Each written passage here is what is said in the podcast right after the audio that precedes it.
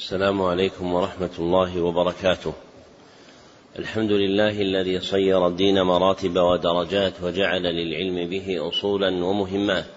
وأشهد أن لا إله إلا الله حقا وأشهد أن محمدا عبده ورسوله صدقا. اللهم صل على محمد وعلى آل محمد كما صليت على إبراهيم وعلى آل إبراهيم إنك حميد مجيد اللهم بارك على محمد وعلى آل محمد كما باركت على إبراهيم وعلى آل إبراهيم إنك حميد مجيد. أما بعد فحدثني جماعة من الشيوخ وهو أول حديث سمعته منهم بإسناد كل إلى سفيان بن عيينة عن عمرو بن دينار عن أبي قابوس مولى عبد الله بن عمرو عن عبد الله بن عمرو بن العاص رضي الله عنهما أن رسول الله صلى الله عليه وسلم قال الراحمون يرحمهم الرحمن تبارك وتعالى ارحموا من في الأرض يرحمكم من في السماء. ومن آكد الرحمة رحمة المعلمين بالمتعلمين في تلقينهم أحكام الدين وترقيتهم في منازل اليقين. ومن طرائق رحمتهم إيقافهم على مهمات العلم بإقراء أصول المتون وتبيين مقاصدها الكلية ومعانيها الإجمالية ليستفتح بذلك المبتدئون تلقيهم ويجد فيه المتوسطون ما يذكرهم ويطلع منه المنتهون إلى تحقيق مسائل العلم. وهذا شرح الكتاب الرابع من برنامج مهمات العلم في سنته الأولى وهو كتاب التوحيد الذي هو حق الله على العبيد لإمام الدعوة الإصلاحية في جزيرة العرب الشيخ محمد بن عبد الوهاب رحمه الله. نعم. بسم الله الرحمن الرحيم. الحمد لله رب العالمين وصلى الله وسلم وبارك على نبينا محمد وعلى آله وصحبه أجمعين. اللهم اغفر لنا ولشيخنا ولوالدينا وللمؤمنين. قال شيخ الإسلام محمد بن عبد الوهاب رحمه الله تعالى بسم الله الرحمن الرحيم.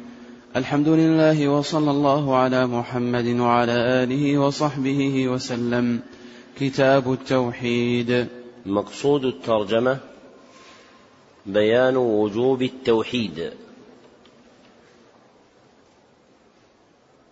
والمراد به أصالة هو توحيد العبادة وما سواه من أنواع التوحيد تابع له.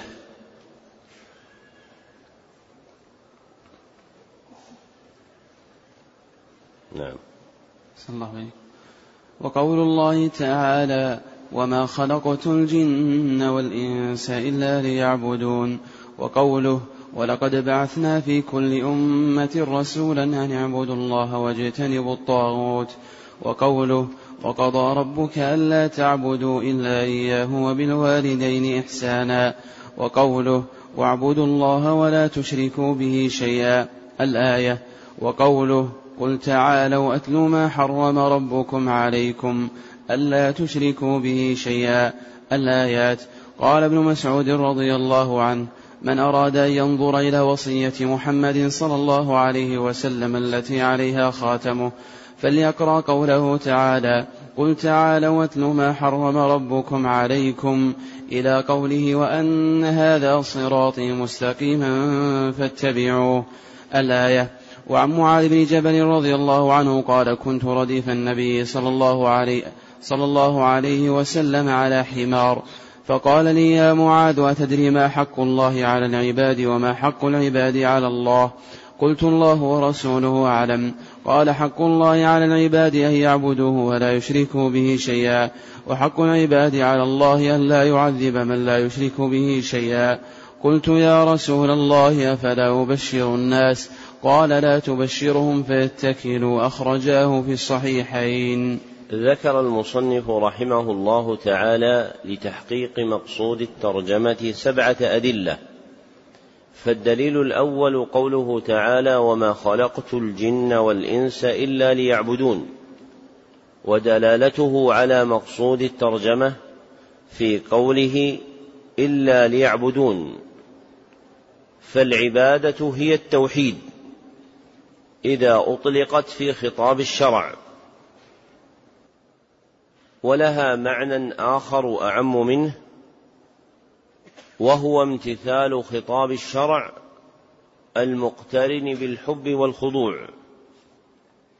فالآية دالة على أن الحكمة من خلق الجن والإنس إقامة التوحيد وما خلقوا لأجله فهم مأمورون به. والأمر للإيجاب. فظهرت دلالة الآية على مقصود الترجمة وهو وجوب التوحيد. والدليل الثاني قوله تعالى ولقد بعثنا في كل أمة رسولا الآية. ودلالته على مقصود الترجمة من وجهين أحدهما في قوله تعالى أن اعبدوا الله فالعبادة هي التوحيد والأمر للإيجاب كما تقدم. والآخر في قوله تعالى واجتنبوا الطاغوت أي باعدوا عباده ما سوى الله. ولازمه أن تكون العبادة وهي التوحيد لله وحده لا سواه. والدليل الثالث قوله تعالى وقضى ربك ألا تعبدوا إلا إياه الآية. ودلالته على مقصود الترجمة في قوله وقضى ربك. لأن ما قضى به الله عز وجل مأمور به والأمر كما سبق للإيجاب والقضاء هنا هو القضاء الديني الشرعي لا القضاء الكوني القدري. والدليل الرابع قوله تعالى واعبدوا الله ولا تشركوا به شيئا الآية. ودلالته على مقصود الترجمة من وجهين. أحدهما في قوله تعالى واعبدوا الله فالعبادة هي التوحيد والأمر للإيجاب. والآخر في قوله ولا تشركوا به شيئا. فنهاهم عن الشرك نهي تحريم وهو يدل على الأمر بمقابله الذي هو التوحيد والأمر به إيجاب له كما سبق. والدليل الخامس قوله تعالى قل تعالوا أتل ما حرم ربكم عليكم ألا تشركوا به شيئا. الآية. أي وصاكم ربكم ألا تشركوا به شيئا. ودلالته على مقصود الترجمة في قوله ألا تشركوا به شيئا. والنهي عن الشرك نهي تحريم يستدعي الأمر بمقابله وهو التوحيد أمر إيجاب. والدليل السادس أثر ابن مسعود رضي الله عنه قال من أراد أن ينظر إلى وصية محمد صلى الله عليه وسلم إلى آخره رواه الترمذي بسند صحيح. ودلالته على مقصود الترجمة في جعل ما تضمنته هذه الآيات من النهي عن الشرك والأمر بالتوحيد وصية محمد صلى الله عليه وسلم. والوصية اسم موضوع في اللغة والشرع لما يؤمر به. فالموصى به هنا مأمور به أمر إيجاب. وليس مقصود ابن مسعود رضي الله عنه أن النبي صلى الله عليه وسلم كتب هذه الوصية وختم عليها. وإنما المراد أنه أوصى بكتاب الله. ومن وصايا كتاب الله هؤلاء الآيات. والدليل السابع حديث معاذ بن جبل رضي الله عنه قال كنت رديف النبي صلى الله عليه وسلم على حمار الحديث متفق عليه. ودلالته على مقصود الترجمة في قوله صلى الله عليه وسلم حق الله على العباد أن يعبدوه ولا يشركوا به شيئا. فالحق اسم موضوع شرعا لما يجب كما ذكره ابن القيم في بدائع الفوائد ومحمد بن إسماعيل الأمير في شرح منظومته في أصول الفقه فإيراد لفظ الحق في هذا الحديث دال على أن المذكور فيه واجب والمذكور فيه هو توحيد الله فدل على وجوبه. نعم. الله عليكم فيه مسائل. الأولى الحكمة في خلق الجن والإنس. الثانية أن العبادة هي التوحيد لأن الخصومة فيه. الثالثة أن من لم يأت به لم يعبد الله. ففيه معنى قوله ولا أنتم ولا أنتم عابدون ما أعبد. الرابعة الحكمة في إرسال الرسل. الخامسة أن الرسالة عمت كل أمة. السادسة أن دين الأنبياء واحد.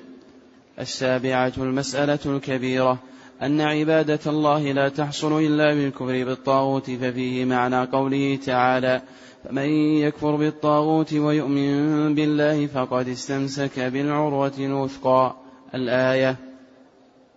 الثامنة أن الطاغوت عام في كل ما عبد من دون الله. قوله رحمه الله الثامنة أن الطاغوت عام في كل ما عبد من دون الله أي ولو كان غير راض بذلك كالأنبياء والصالحين والطاغوتية وصف لعبادته لا وصف له فإذا قيل ما عبد من دون الله فهو طاغوت فالمعنى لا تصلح العبادة له وليس ذلك ذما له فالذم إنما يتوجه إلى من عبد وهو راض. أما من عبد وهو غير راض فإنما سمي طاغوتا باعتبار فعل غيره إذ جعله معبودا. ولا يقتضي ذلك ذما له لأن أصل الطاغوت هو المتجاوز به حده. ومن عبد غير الله فقد تجاوز بمعبوده حده. والطاغوت في الشرع يطلق على معنيين اثنين. أحدهما خاص وهو الشيطان وهذا المعنى هو المراد إذا أطلق في الخطاب الشرعي. والآخر عام وأحسن ما قيل في حده.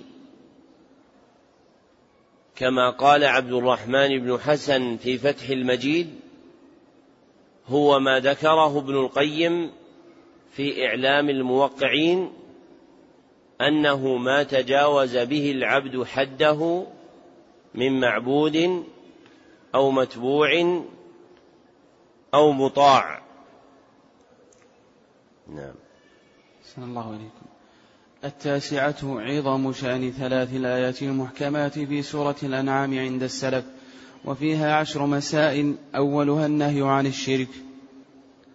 العاشرة الآيات المحكمات في سورة الإسراء وفيها ثمانية عشر مسألة بدأها الله بقوله لا تجعل مع الله إلها آخر فتقعد مذموما مخذولا وختمها بقوله ولا تجعل مع الله إلها آخر فتلقى في جهنم ملوما مدحورا ونبهنا الله سبحانه على عظم شأن هذه المسائل بقوله ذلك مما أوحى إليك ربك من الحكمة الحادية عشرة آية سورة النساء التي تسمى آية الحقوق العشرة. بدأها الله تعالى بقوله واعبدوا الله ولا تشركوا به شيئا. الثانية عشرة التنبيه على وصية رسول الله صلى الله عليه وسلم عند موته. قوله رحمه الله الثانية عشرة التنبيه على وصية رسول الله صلى الله عليه وسلم عند موته. أي الوصية بكتاب الله لأن النبي صلى الله عليه وسلم لم تحفظ له وصية خاصة مكتوبة وأخبر أصحاب النبي صلى الله عليه وسلم عن وصيته بأشياء متفرقة كلها ترجع إلى وصيته صلى الله عليه وسلم بكتاب الله ومنها خبر مسعود ابن مسعود رضي الله عنه المذكور هنا فإنه راجع إلى الوصية بكتاب الله. فما ذكر في كلام الصحابة رضي الله عنهم أن النبي صلى الله عليه وسلم أوصى بكذا وكذا لا يريدون به وصية خاصة مكتوبة. بل يريدون به أصلا عاما مستقرا مذكورا في القرآن الكريم. فكأنهم قالوا إن النبي صلى الله عليه وسلم أوصى بكتاب الله ومما تضمنه كتاب الله كذا وكذا بحساب بحسب ما يخبر عنه الصحابي رضي الله عنه. نعم. صلى الله عليكم. الثالثة عشرة معرفة حق الله علينا. الرابعة عشرة معرفة حق العباد عليه إذا أدوا حقه. الخامسة عشرة أن هذه المسألة لا يعرفها أكثر الصحابة. السادسة قوله رحمه الله الخامسة عشرة أن هذه المسألة لا يعرفها أكثر الصحابة أي جزاء من عبد الله ومن ولم يشرك به شيئا ألا يعذبه. فهم جهلوا الجزاء ولم يجهلوا المأمور به. نعم. الله عليكم السادسة عشرة جواز كتمان العلم للمصلحة. السابعة عشرة استحباب بشارة المسلم بما يسره. الثامنة عشرة الخوف من الخوف من الاتكال على سعة رحمة الله. التاسعة عشرة. قول المسؤول عما لا يعلم الله ورسوله أعلم. قوله رحمه الله التاسعة عشرة. قول المسؤول عما لا يعلم الله ورسوله أعلم.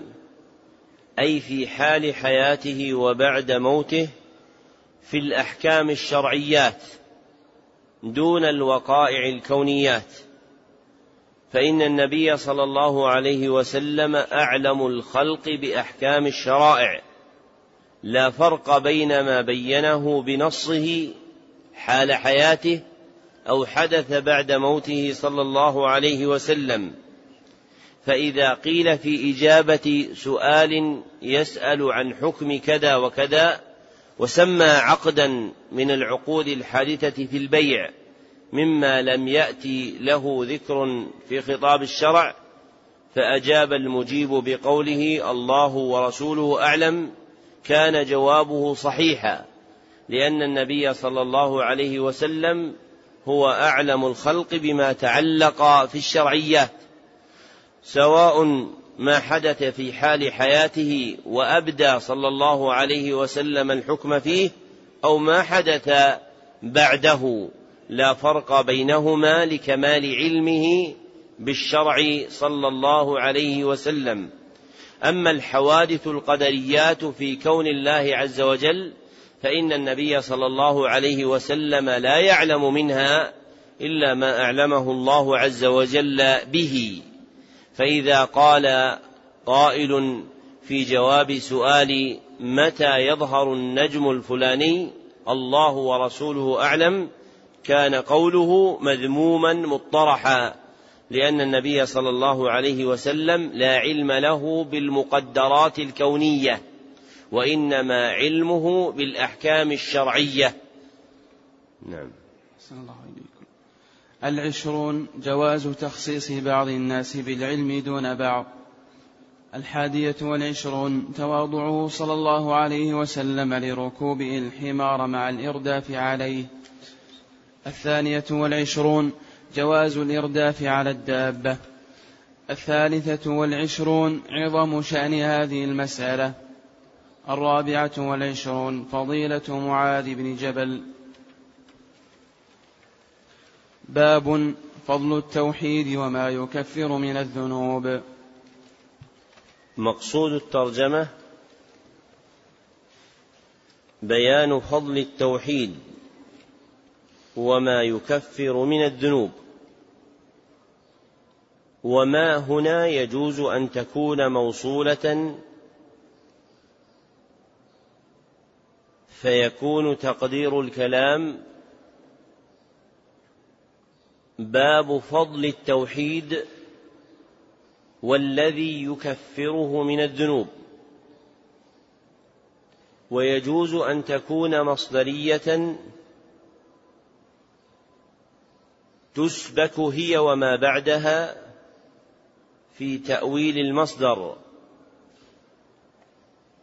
فيكون تقدير الكلام باب فضل التوحيد وتكفيره الذنوب. والثاني أولى لدفع توهم أن من الذنوب ما لا يكفره التوحيد. فإن التوحيد يكفر الذنوب جميعا. والمراد بالتوحيد في الترجمة هو توحيد العبادة. ذكره عبد الرحمن بن حسن في قرة عيون الموحدين. نعم. صلى الله عليكم وقول الله تعالى الذين آمنوا ولم يلبسوا إيمانهم بظلم أولئك لهم الأمن وهم مهتدون. وعن عبادة بن الصامت رضي الله عنه قال قال رسول الله صلى الله عليه وسلم من شهد أن لا إله إلا الله وحده لا شريك له وأن محمدا عبده ورسوله وأن عيسى عبد الله ورسوله وكلمته ألقاها إلى مريم وروح منه. والجنة حق والنار حق أدخله الله الجنة على ما كان من العمل أخرجا ولهما في حديث عتبان فإن الله حرم على النار من قال لا إله إلا الله يبتغي بذلك وجه الله. وعن أبي سعيد الخدري رضي الله عنه عن رسول الله صلى الله عليه وسلم قال قال موسى عليه السلام يا رب علمني شيئا أذكرك وأدعوك به. قال قل يا موسى لا إله إلا الله. قال كل عبادك يقولون هذا. قال يا موسى لو أن السماوات السبع وعامرهن غيري والأرضين السبع في كفة ولا إله إلا الله في كفة مالت بهن لا إله إلا الله. رواه ابن حبان والحاكم وصححه. وللترمذي وحسنه عن أنس سمع قال سمعت رسول الله صلى الله عليه وسلم يقول قال الله تعالى يا ابن آدم إنك لو أتيتني بقراب الأرض خطايا ثم لقيتني لا تشرك بي شيئا لاتيتك بقرابها مغفرة. ذكر المصنف رحمه الله تعالى لتحقيق مقصود الترجمة خمسة أدلة. فالدليل الأول قوله تعالى الذين آمنوا ولم يلبسوا إيمانهم بظلم. الآية ودلالته على مقصود الترجمة في قوله أولئك لهم الأمن وهم مهتدون. فمن آمن ولم يلبس إيمانه بظلم أي بشرك كما ثبت عن النبي صلى الله عليه وسلم في الصحيحين فجزاؤه تحصيل الأمن والاهتداء في الدنيا والآخرة. وهذا من فضل التوحيد. والدليل الثاني حديث عبادة بن الصامت رضي الله عنه قال قال رسول الله صلى الله عليه وسلم من شهد أن لا إله إلا الله الحديث متفق عليه. ودلالته على مقصود الترجمة في قوله صلى الله عليه وسلم أدخله الله الجنة على ما كان من العمل أي أدخله الله الجنة على ما كان فيه من صلاح أو فساد. فمآل الموحد الجنة وإن كان مقصرا له ذنوب. وهذا من فضل التوحيد أن من مات عليه فمصيره إلى الجنة على كل حال. والدليل الثالث حديث عتبان بن مالك رضي الله عنه فإن الله حرم على النار من قال لا إله إلا الله. الحديث متفق عليه. ودلالته على مقصود الترجمة في قوله صلى الله عليه وسلم فإن الله حرم على النار. ثم ذكر المحرم عليها موصوفا بما يدل على توحيده فقال من قال لا إله إلا الله يبتغي بذلك وجه الله. وهذا من فضل التوحيد أنه يحرم صاحبه على النار. وتحريم التوحيد لأهله على النار نوعان اثنان. أحدهما تحريم دخول. وهذا حظ من كمل توحيده. فإنه وإن كان له ذنوب فإن الله عز وجل يعفو عنه ويحرم عليه دخول النار. والآخر تحريم خلود. وهذا حظ من استحق التطهير بالنار من أهل التوحيد فيدخلها ثم يخرج منها ويدخل الجنة فلا يخلد في النار أبدا. والدليل الرابع حديث أبي سعيد الخدري رضي الله عنه أن رسول الله صلى الله عليه وسلم قال قال موسى صلى الله عليه وسلم يا رب علمني شيئا أذكرك وأدعوك به. الحديث رواه ابن حبان والحاكم في المستدرك وهو عند من هو أولى منهما بالعزو إليه. فقد أخرجه النسائي في السنن الكبرى وإسناده ضعيف. ودلالته على مقصود الترجمة في قوله تعالى في الحديث القدسي مالت بهن لا إله إلا الله ففيه رجحان كلمة التوحيد بجميع المخلوقات وهذا من فضل التوحيد.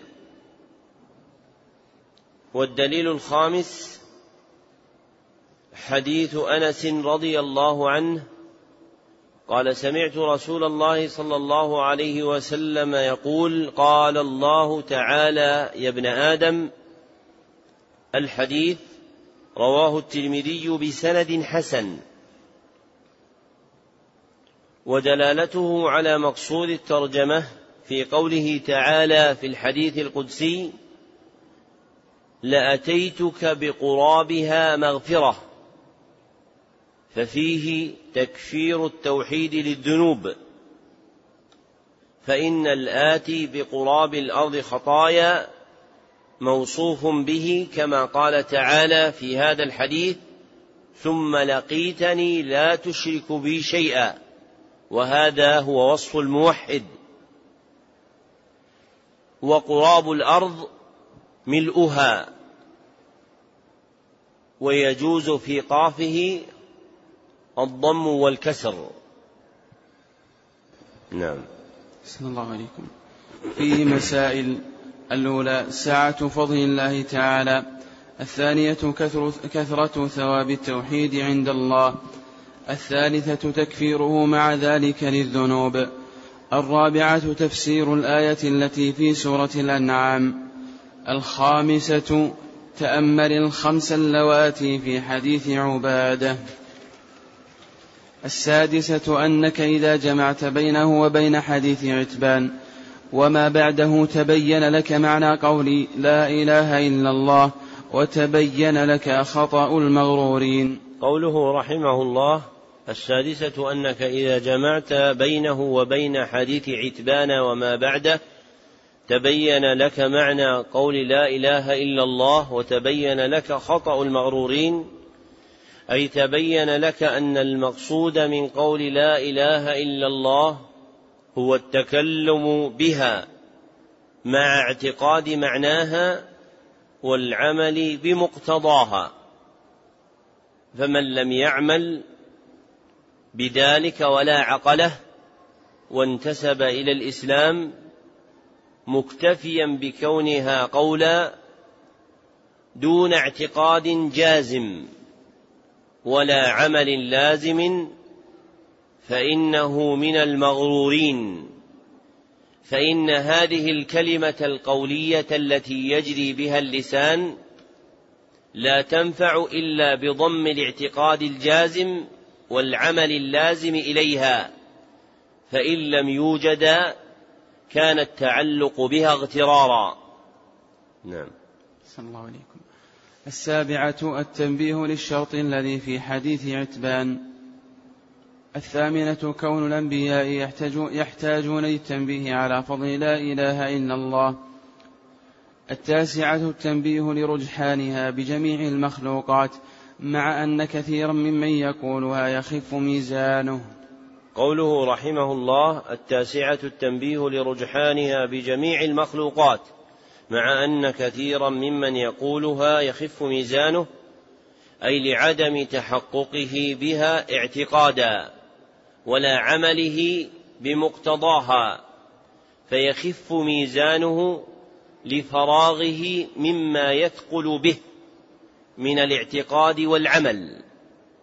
فإن كلمة التوحيد إنما تثقل بالميزان إذا كان قائلها معتقدا لمعناها عاملا بمقتضاها. نعم. صلى الله عليكم العاشرة النص على أن الأراضين سبع كالسماوات. الحادية عشرة أن لهن عمارا. الثانية عشرة إثبات الصفات خلافا للأشعرية. الثالثة عشرة أنك إذا عرفت حديث أنس عرفت أن قوله في حديث عتبان فإن الله حرم على النار من قال لا إله إلا الله يبتغي بذلك وجه الله. أن ترك الشرك ليس قولها باللسان. الرابعة عشرة تأمل الجمع بين كون عيسى ومحمد عبدي, عبدي الله ورسوليه الخامسة عشرة معرفة اختصاص عيسى بكونه كلمة الله. قوله رحمه الله الخامسة عشرة معرفة اختصاص عيسى بكونه كلمة الله أي وجد بكن وليس هو عليه الصلاة والسلام كن ولكن كان بأمر الله سبحانه إذ قال له كن فكان كما أراد الله فليس هو الكلمة وإنما وجد بالكلمة نعم. الله السادسة عشرة معرفة كونه روحا من. السابعة عشرة معرفة فضل الإيمان بالجنة والنار. الثامنة عشرة معنى قوله على ما كان من العمل. التاسعة عشرة معرفة أن الميزان له كفتان. العشرون معرفة ذكر الوجه. باب من حقق التوحيد دخل الجنة بغير حساب. مقصود الترجمة بيان أن من حقق التوحيد دخل الجنة بغير حساب ولا عذاب. وهذا من جملة فضل التوحيد المتقدم في الترجمة السابقة. لكن أفرد لبيان جلالة هذا الفضل وعظم الموجب له وهو تحقيق التوحيد. وتحقيق التوحيد يحصل بالسلامة مما يضاد أصله أو كماله. ومضادات التوحيد ترجع إلى ثلاثة أصول. أولها الشرك والثاني البدعة والثالث المعصية. فالشرك ينافي التوحيد بالكلية والبدعة تنافي كماله الواجب والمعصية تقدح فيه وتنقص ثوابه. فيكون تحقيق التوحيد هو السلامة من الشرك والبدعة والمعصية.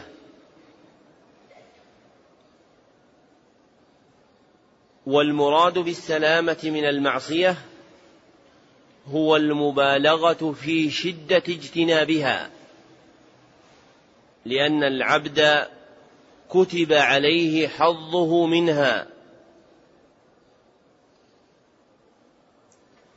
فهي تقدح في توحيده وتوهنه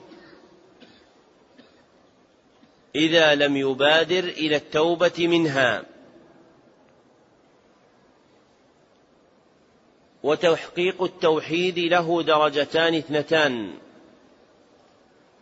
الأولى درجة واجبة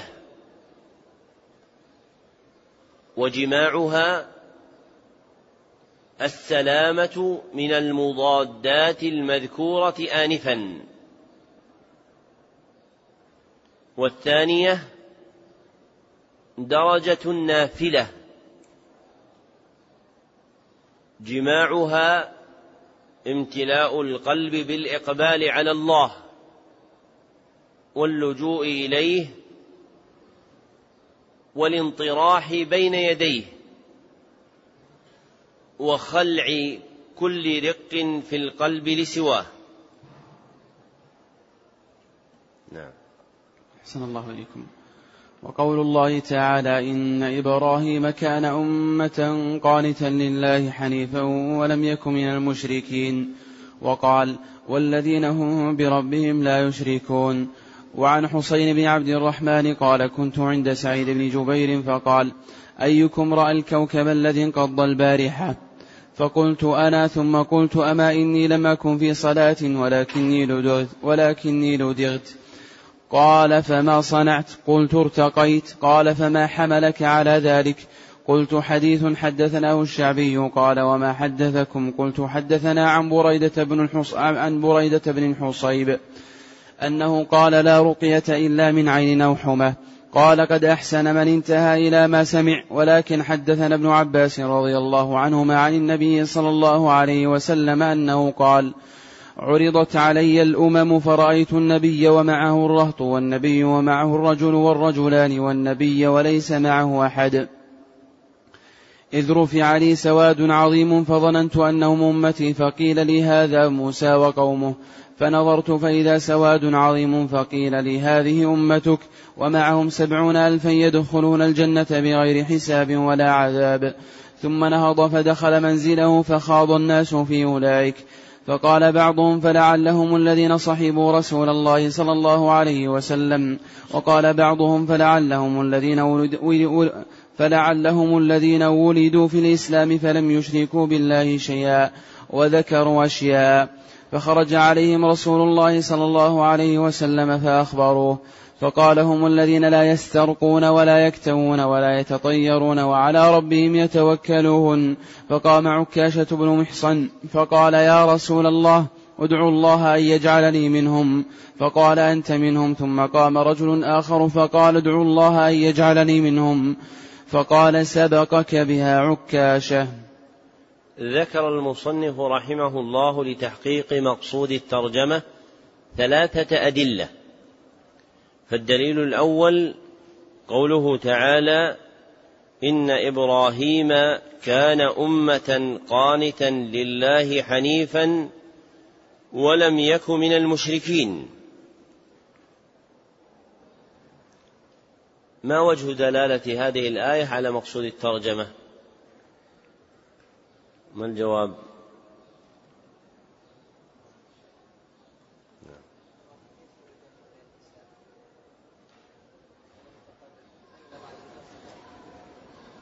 من أين في الآية إن إبراهيم يدخل الجنة بغير حساب؟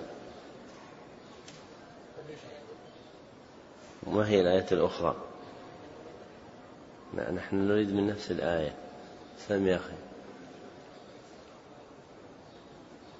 نفي الشرك عن إبراهيم عليه الصلاة والسلام يدل على أنه حقق توحيد.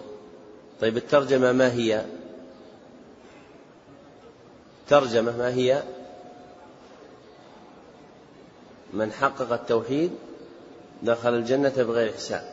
أنت الآن جئت بالأول أن إبراهيم قد حقق التوحيد. فأين الثاني دخل الجنة بغير حساب من الآية؟ ها محمد. فيكون قد حقق فأين دخل الجنة بغير حساب وعذاب؟ العذاب سمع نعم.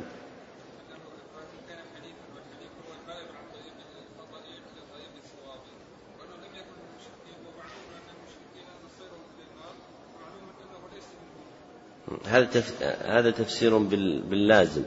أن إبراهيم لم يكن من المشركين وإذ لم يكن من المشركين فمصيره إلى الجنة. نعم.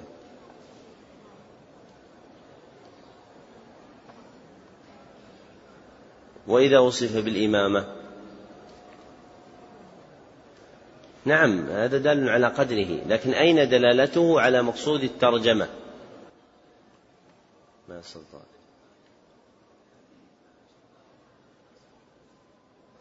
أحسنت.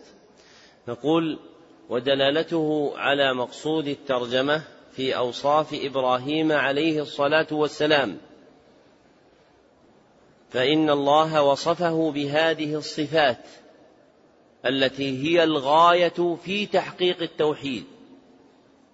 ثم ذكر جزاءه فقال في الآيات بعدها وإنه في الآخرة لمن الصالحين.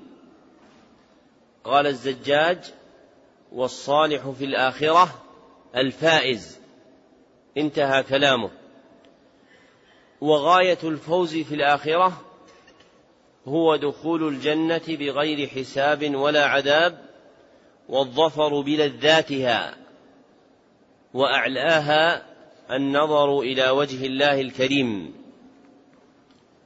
والدليل الثاني قوله تعالى والذين هم بربهم لا يشركون ودلالته على مقصود الترجمة في مدح المؤمنين بهذا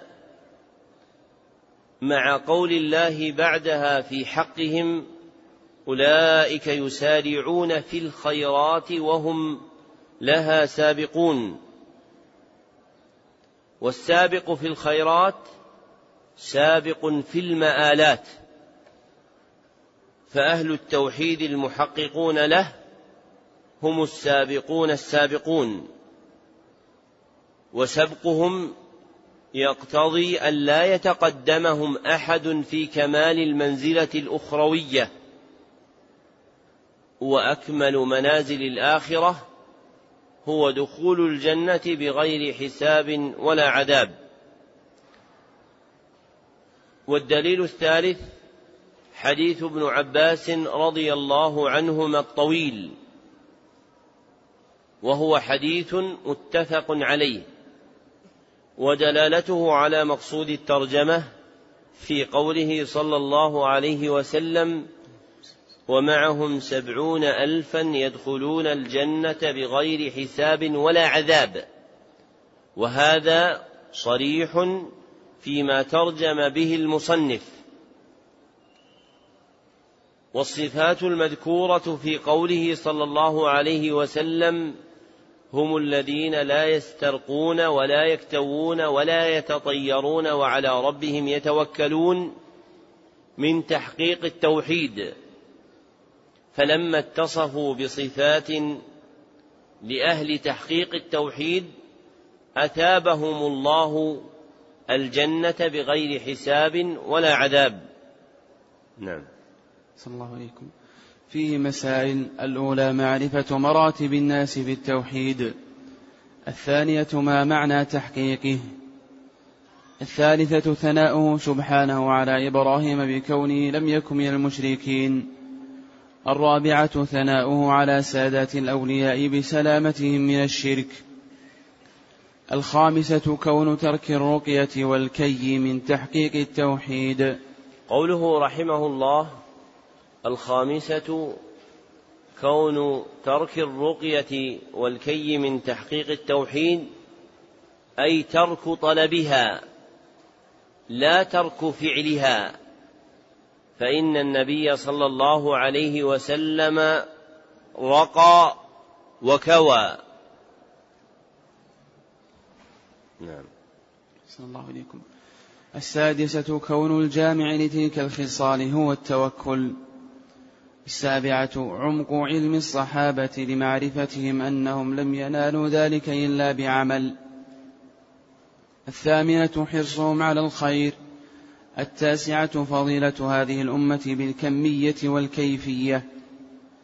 العاشرة فضيلة أصحاب موسى.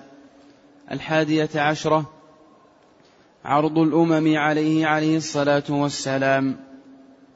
الثانية عشرة أن كل أمة تحشر وحدها مع نبيها. الثالثة عشرة قلة من استجاب للأنبياء.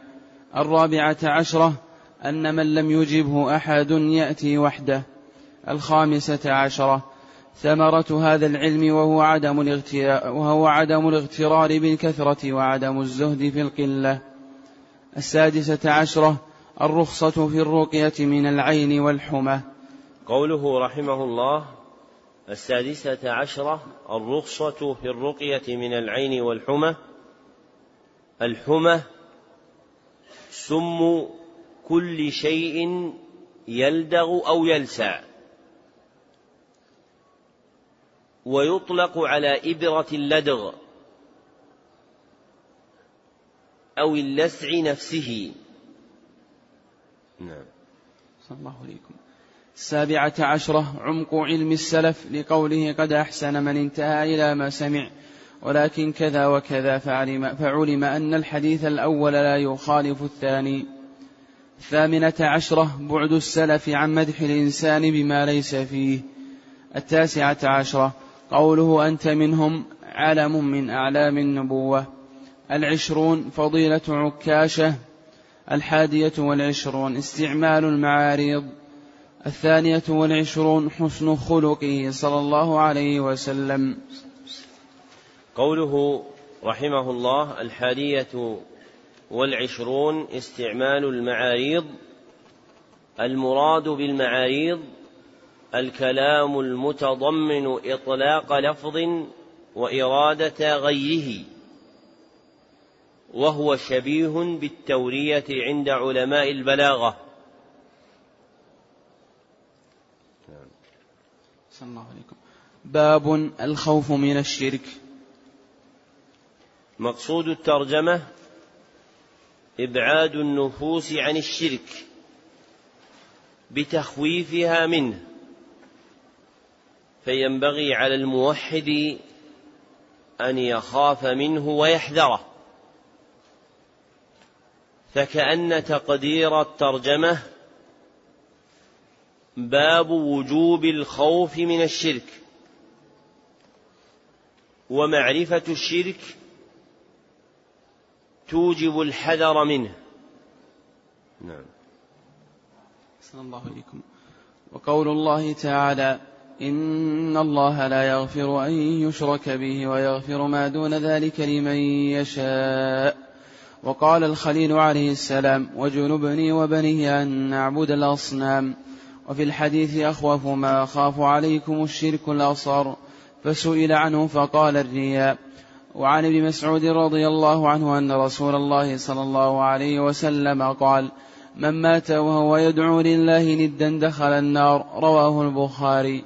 ولمسلم عن جابر رضي الله عنه أن رسول الله صلى الله عليه وسلم قال من لقي الله لا يشرك به شيئا دخل الجنة ومن لقيه يشرك به شيئا دخل النار. ذكر المصنف رحمه الله لتحقيق مقصود الترجمة خمسة أدلة. فالدليل الأول قوله تعالى إن الله لا يغفر أن يشرك به. الآية ودلالته على مقصود الترجمة في قوله إن الله لا يغفر أن يشرك به فالشرك لا يغفره الله لمن لم يتب منه وما دونه من الذنوب فهو تحت مشيئة الله إن شاء غفر له وإن شاء عذبه. والمصدر المؤول من قوله أن يشرك, أن يشرك مسبوك في تقدير شركا. يعم جميع الشرك صغيره وكبيره. لأن النكرة في سياق النفي تفيد العموم. فتقدير الكلام إن الله لا يغفر شركا به. وإذا كان الشرك لا يغفر إن لم يتب العبد منه وجب الخوف منه حينئذ. نعم. والدليل الثاني قوله تعالى واجنبني وبني أن نعبد الأصنام ودلالته على مقصود الترجمة في كون الداعي بذلك هو إبراهيم عليه الصلاة والسلام. الذي تقدم وصفه بالصفات الدالة على تحقيق التوحيد في الترجمة السابقة في قول الله تعالى إن إبراهيم كان أمة قانتا لله حنيفا ولم يك من المشركين. ومع ذلك ألظ بدعاء الله أن يجنبه عبادة الأصنام التي هي من أعظم الشرك. وإنما يدعى بالتجنيب مما يخاف منه. فإذا قال القائل داعيا رب اجنبني كذا وكذا فهو يتضمن خوفه منه. وإذا كان هذا دعاء إبراهيم عليه الصلاة والسلام وخوفه فغيره أولى بالخوف منه. وكان إبراهيم التيمي يقول فيما رواه ابن جرير في تفسيره من يأمن البلاء بعد إبراهيم. والدليل الثالث حديث محمود بن لبيد رضي الله عنه أن النبي صلى الله عليه وسلم قال أخوف ما أخاف عليكم الشرك الأصغر. الحديث رواه أحمد بسند حسن. ودلالته على مقصود الترجمة في قوله صلى الله عليه وسلم أخوف ما أخاف عليكم الشرك الأصغر وهو مطابق لما ترجم به المصنف ففيه التصريح بالخوف من الشرك والشرك الأصغر هو جعل شيء من حقوق الله لغيره لا يخرج به العبد من الملة. هو جعل شيء من حقوق الله لغيره لا يخرج به العبد من الملة. واختير لفظ جعل دون لفظ صرف لأمرين اثنين. أحدهما متابعة لللفظ المختار في خطاب الشرع كما قال تعالى فلا تجعلوا لله أندادا وأنتم تعلمون وفي الحديث المتفق عليه أن النبي صلى الله عليه وسلم قال أن تجعل لله ندا وهو خلقك والثاني أن الجعل يتضمن الإقبال القلبي وإرادة التقرب. والدليل الرابع حديث ابن مسعود رضي الله عنه أن رسول الله صلى الله عليه وسلم قال من مات وهو يدعو لله ندا. الحديث. ودلالته على مقصود الترجمة في قوله صلى الله عليه وسلم دخل النار. فإن من كان ما كان موجبا لدخول النار وجب الخوف منه. وإدخال الشرك العبد إلى النار نوعان اثنان. الأول إدخال تأميد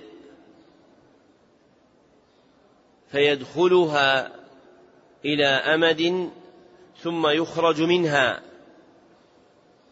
وهذا حظ من لم يكن من أهل الشرك الأكبر. ممن له سيئات استحق بها دخول النار فيدخل فيها إلى أمد منقطع ثم يخرج منها. والثاني إدخال تأبيد. فيدخلها إلى الأبد ولا يخرج منها بل يبقى فيها خالدا مخلدا. وهذا حظ أهل الشرك الأكبر.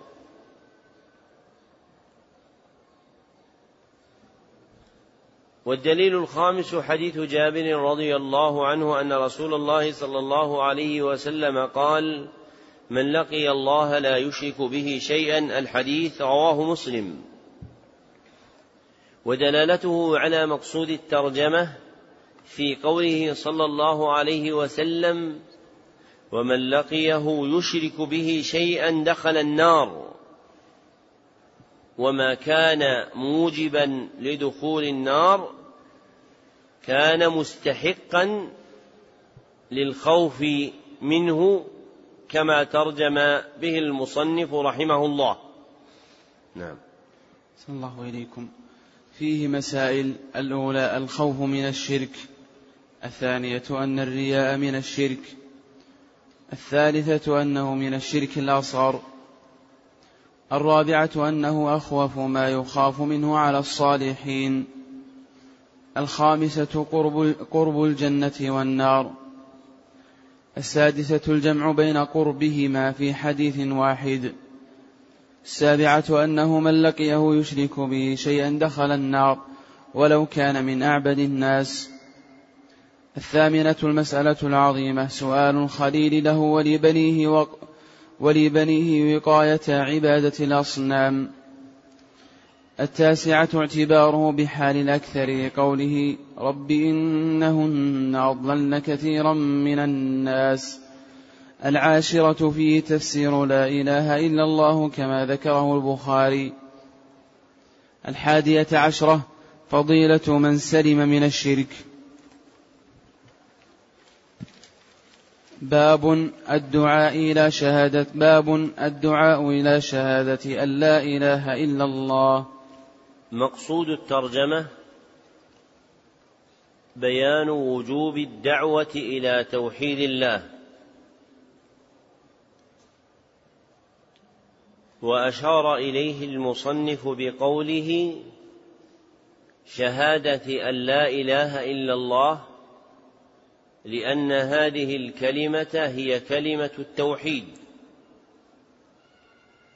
فقوله الدعاء إلى شهادة أن لا إله إلا الله معناه الدعوة إلى توحيد الله. نعم. صلى الله عليكم وقول الله تعالى قل هذه سبيلي أدعو إلى الله على بصيرة أنا ومن اتبعني. الآية عن ابن عباس رضي الله عنهما أن رسول الله صلى الله عليه وسلم لما بعث معاذا إلى اليمن قال له إنك تأتي قوما من أهل الكتاب فليكن أول ما تدعوهم إليه شهادة أن لا إله إلا الله. وفي رواية إلى أن يوحدوا الله فإنهم أطاعوك لذلك فأعلمهم أن الله افترض عليهم خمس صلوات في كل يوم وليلة. فإنهم أطاعوك لذلك فأعلمهم أن الله افترض عليهم صدقة تؤخذ من أغنيائهم فترد على فقرائهم. فإنهم أطاعوك لذلك فإياك وكرائم أموالهم واتق دعوة المظلوم فإنه ليس بينها وبين الله حجاب. أخرجاه. ولهما عن سهل بن سعد رضي الله عنه أن رسول الله صلى الله عليه وسلم قال يوم خيبر لأعطين الراية غدا رجلا يحب الله ورسوله ويحبه الله ورسوله يفتح الله على يديه. فبات, الناس يدوكون ليلتهم أيهم يعطاها. فلما أصبحوا, فلما أصبحوا غدوا على رسول الله صلى الله عليه وسلم. كلهم يرجو أن يعطاها. فقال أين علي بن أبي طالب؟ فقيل هو يشتكي عينيه فأرسلوا إليه فأتي به فبصق في عينيه ودعا له فبرأ كأن لم يكن به وجع. فأعطاه الراية فقال انفذ على رسلك حتى تنزل بساحتهم ثم ادعهم إلى الإسلام وأخبرهم بما يجب عليهم من حق الله تعالى فيه. فوالله لأن يهدي الله بك رجلا واحدا خير لك من حمر النعم. يدوكون أي يخوضون. ذكر المصنف رحمه الله تعالى لتحقيق مقصود الترجمة ثلاثة أدلة. فالدليل الأول قوله تعالى قل هذه سبيلي أدعو إلى الله الآية. ودلالته على مقصود الترجمة في وجهين اثنين. أولهما في قوله قل هذه سبيلي. أي سبيل محمد صلى الله عليه وسلم. والسبيل التي كان عليها أبو القاسم صلى الله عليه وسلم هي الدعوة إلى توحيد الله. والثاني في قوله أدعو إلى الله على بصيرة. فالدعوة إلى الله على بصيرة مفتاحها التوحيد. وما وجد من دعوة إلى الله بلا توحيد فهي دعوة مقطوع بطمس بصائر أهلها. والدليل الثاني حديث ابن عباس رضي الله عنهما في بعث معاذ رضي الله عنه إلى اليمن الحديث متفق عليه. ودلالته على مقصود الترجمة في قوله صلى الله عليه وسلم فليكن أول ما تدعوهم إليه وهو صريح في المقصود لأن الفعل المضارع اقترن بلام الأمر الدالة عليه والأمر للإيجاب.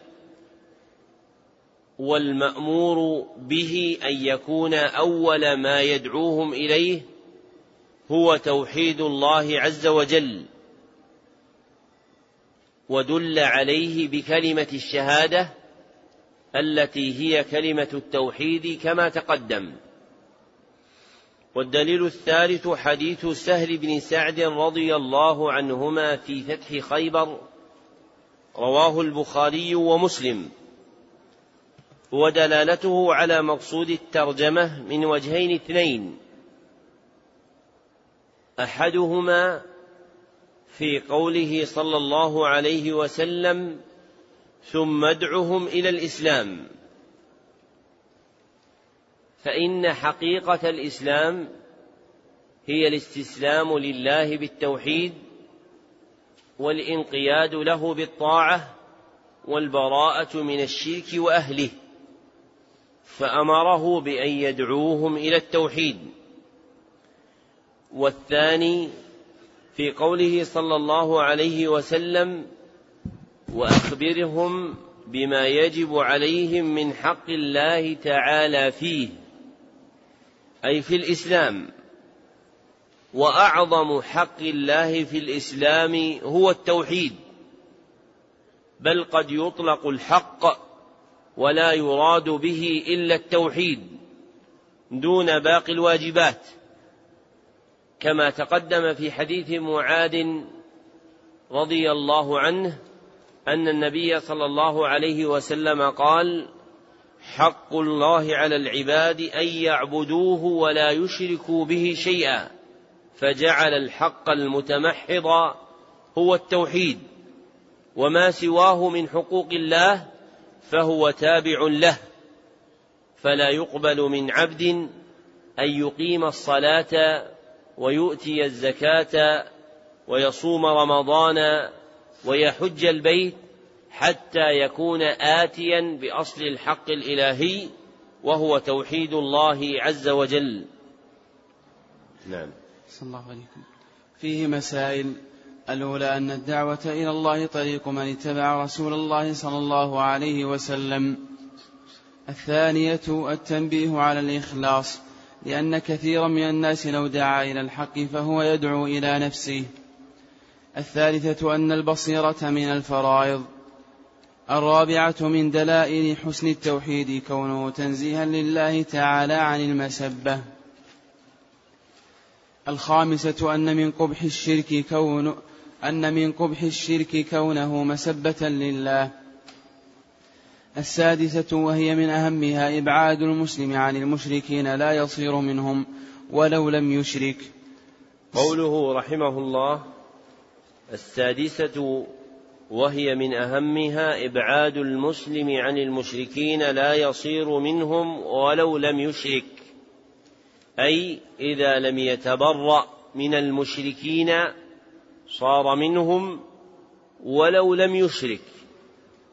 فإن من عقائد التوحيد البراءة من المشركين وحقيقة البراءة بيان بطلان دينهم.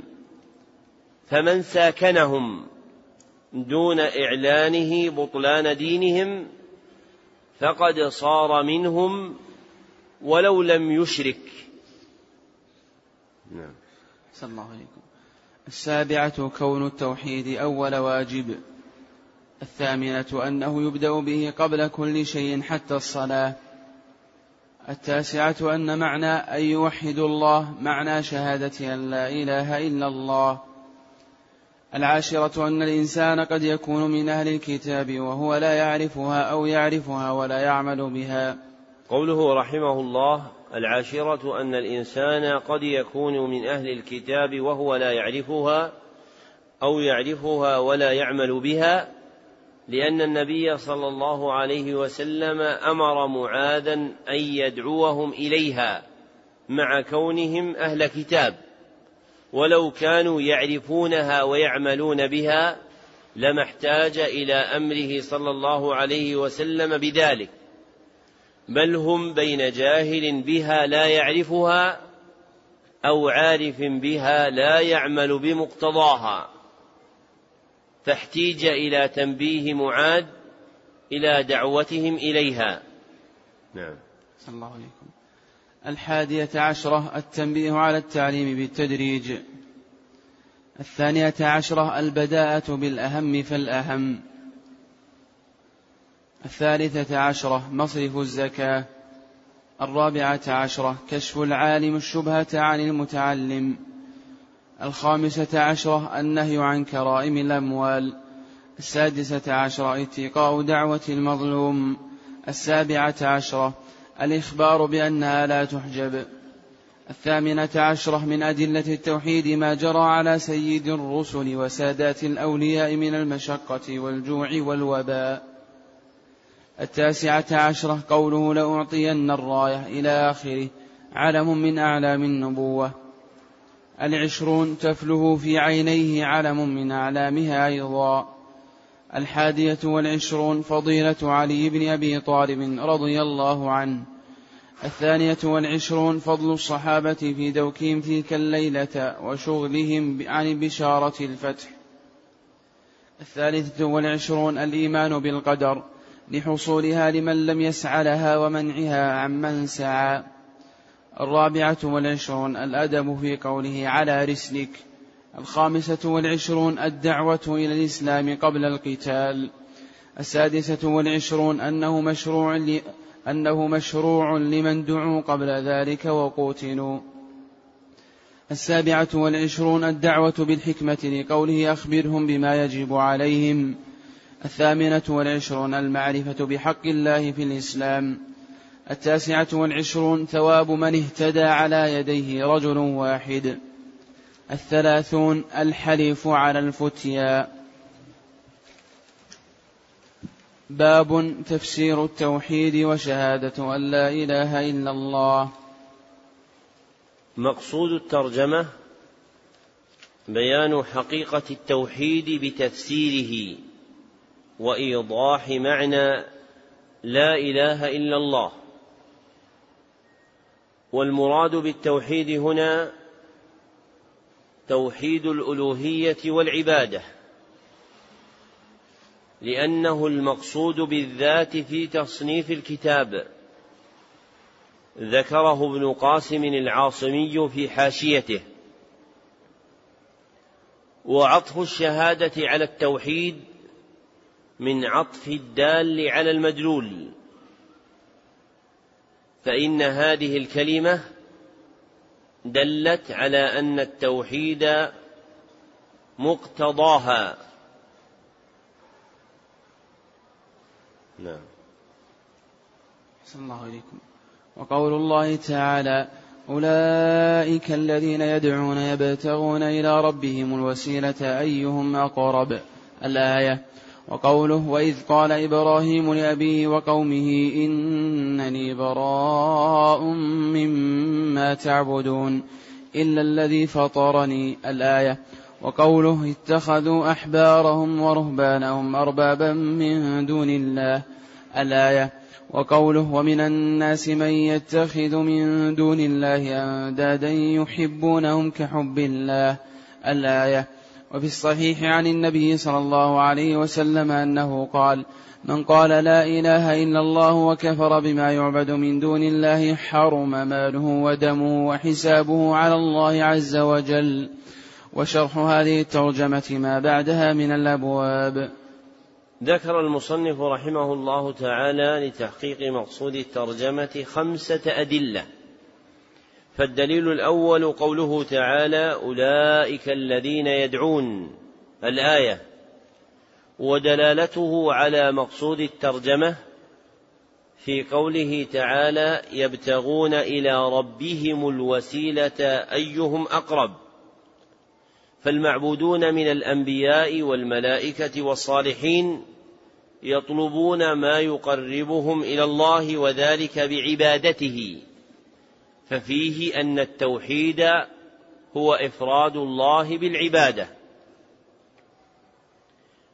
والدليل الثاني قوله تعالى وإذ قال إبراهيم لأبيه وقومه الآية ودلالته على مقصود الترجمة في قوله إنني براء مما تعبدون إلا الذي فطرني لأن كلمة التوحيد لا إله إلا الله تنطوي على نفي وإثبات فعبر عن المنفي فيها بقوله إنني براء مما تعبدون وعبر عن المثبت فيها بقوله إلا الذي فطرني ففيه تفسير التوحيد بإثبات العبادة لله وحده ونفيها عما سواه.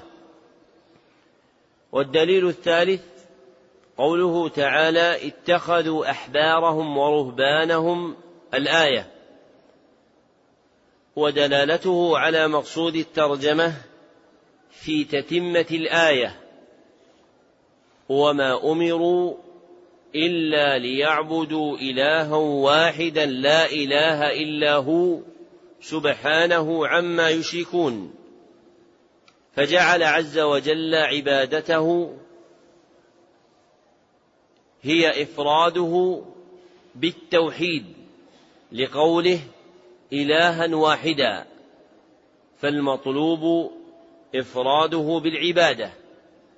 وأكد هذا المطلوب اولا بقوله لا إله إلا هو ثم أكده ثانيا بتنزيهه عن أفعال المشركين فقال سبحانه عما يشركون. والدليل الرابع قوله تعالى ومن الناس من يتخذ من دون الله أندادا. الآية.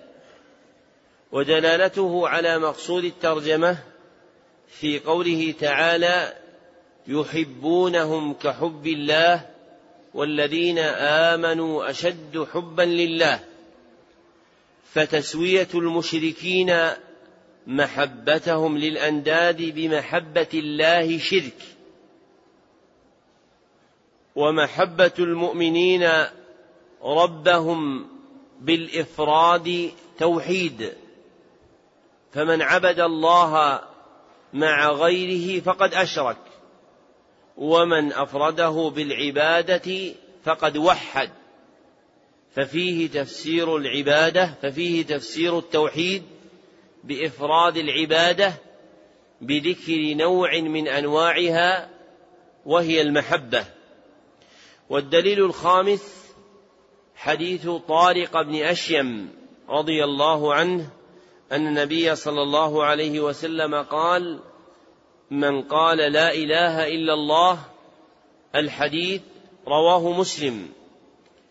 ودلالته على مقصود الترجمة في قوله صلى الله عليه وسلم وكفر بما يعبد من دون الله فلم يكتف باللفظ المجرد عن المعنى في قول لا إله إلا الله بل لا بد من قولها مع اعتقاد معناها والعمل بمقتضاها وفي ضمن ذلك الكفر بما سوى الله من المعبودات وهذه هي حقيقة التوحيد.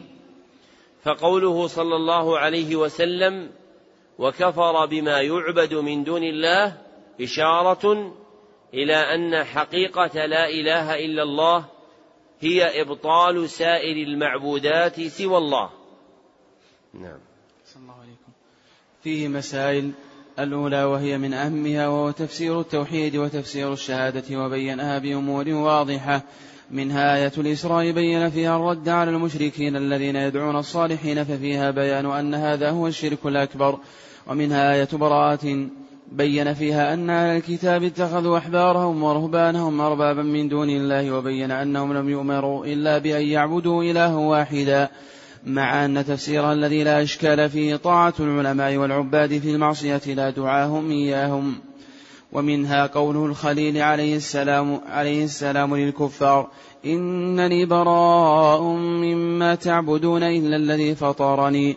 الآية فاستثنى من المعبودين ربه وذكر سبحانه أن هذه البراءة وهذه الموالاة هي تفسير الشهادة هي تفسير شهادة أن لا إله إلا الله فقال وجعلها كلمة باقية في عقبه لعلهم يرجعون. ومنها آية البقرة في الكفار الذين قال الله فيهم وما هم بخارجين من النار. ذكر أنهم يحبون أندادهم كحب الله فدل على أنهم يحبون الله حبا عظيما ولم يدخلهم في الإسلام. فكيف بمن أحب الند حبا أكبر من حب الله؟ وكيف بمن لم يحب إلا الند وحده؟ ولم يحب الله. ومنها قوله صلى الله عليه وسلم من قال لا إله إلا الله وكفر بما يعبد من دون الله حرم ماله ودمه وحسابه على الله عز وجل وهذا من أعظم ما يبين معنى لا إله إلا الله فإنه لم يجعل التلفظ بها عاصما للدم والمال بل ولا معرفة معناها مع لفظها بل ولا الإقرار بذلك بل ولا كونه لا يدعو إلا الله وحده لا شريك له بل لا يحرم ماله ودمه حتى يضيف إلى ذلك الكفر بما يعبد من دون الله فإن شك أو توقف لم يحرم ماله ولا دمه فيا لها من مسألة ما أجلها ويا له من بيان ما أوضحه وحجة ما أقطعها للمنازع.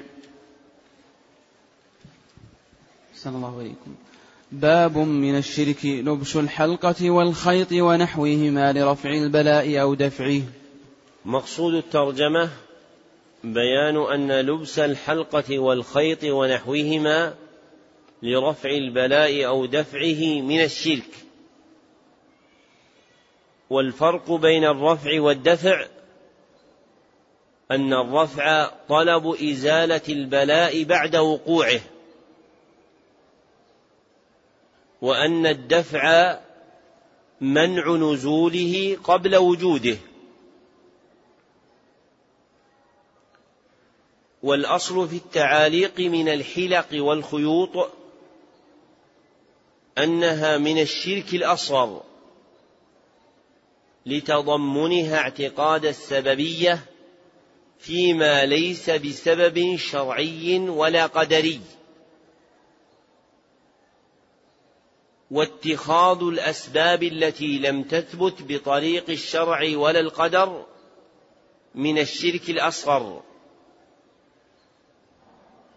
وبه يعلم أن إثبات تأثير شيء منها مردود إلى برهان جلي ودليل واضح إما شرعي أو قدري.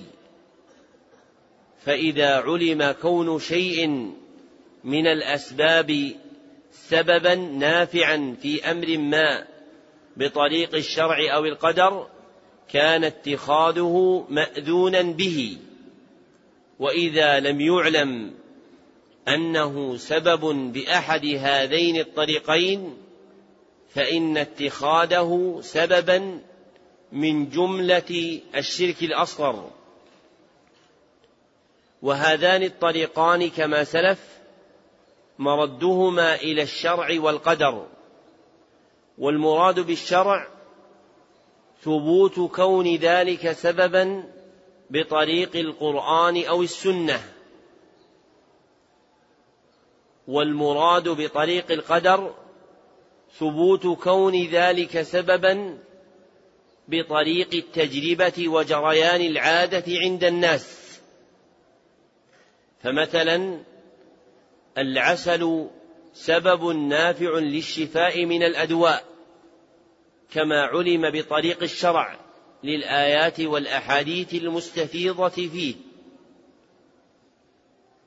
وتناول الحبوب المعروفة كالاسبرين والبندول وغيرها سبب قدري نافع في إذهاب وجع الرأس فهذا شيء علم بطريق القدر فما خرج عن ذلك من الأسباب المدعاة دون ردها إلى الشرع أو القدر لا يعول عليه بل اتخاذه من جملة الشرك الأصغر.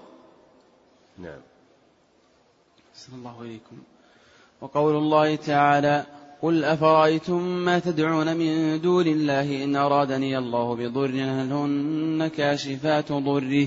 الآية عن عمران بن حسين رضي الله عنه أن النبي صلى الله عليه وسلم رأى رجلا في يده حلقة من صهر فقال ما هذه؟ قال من الواهنة. فقال انزعها.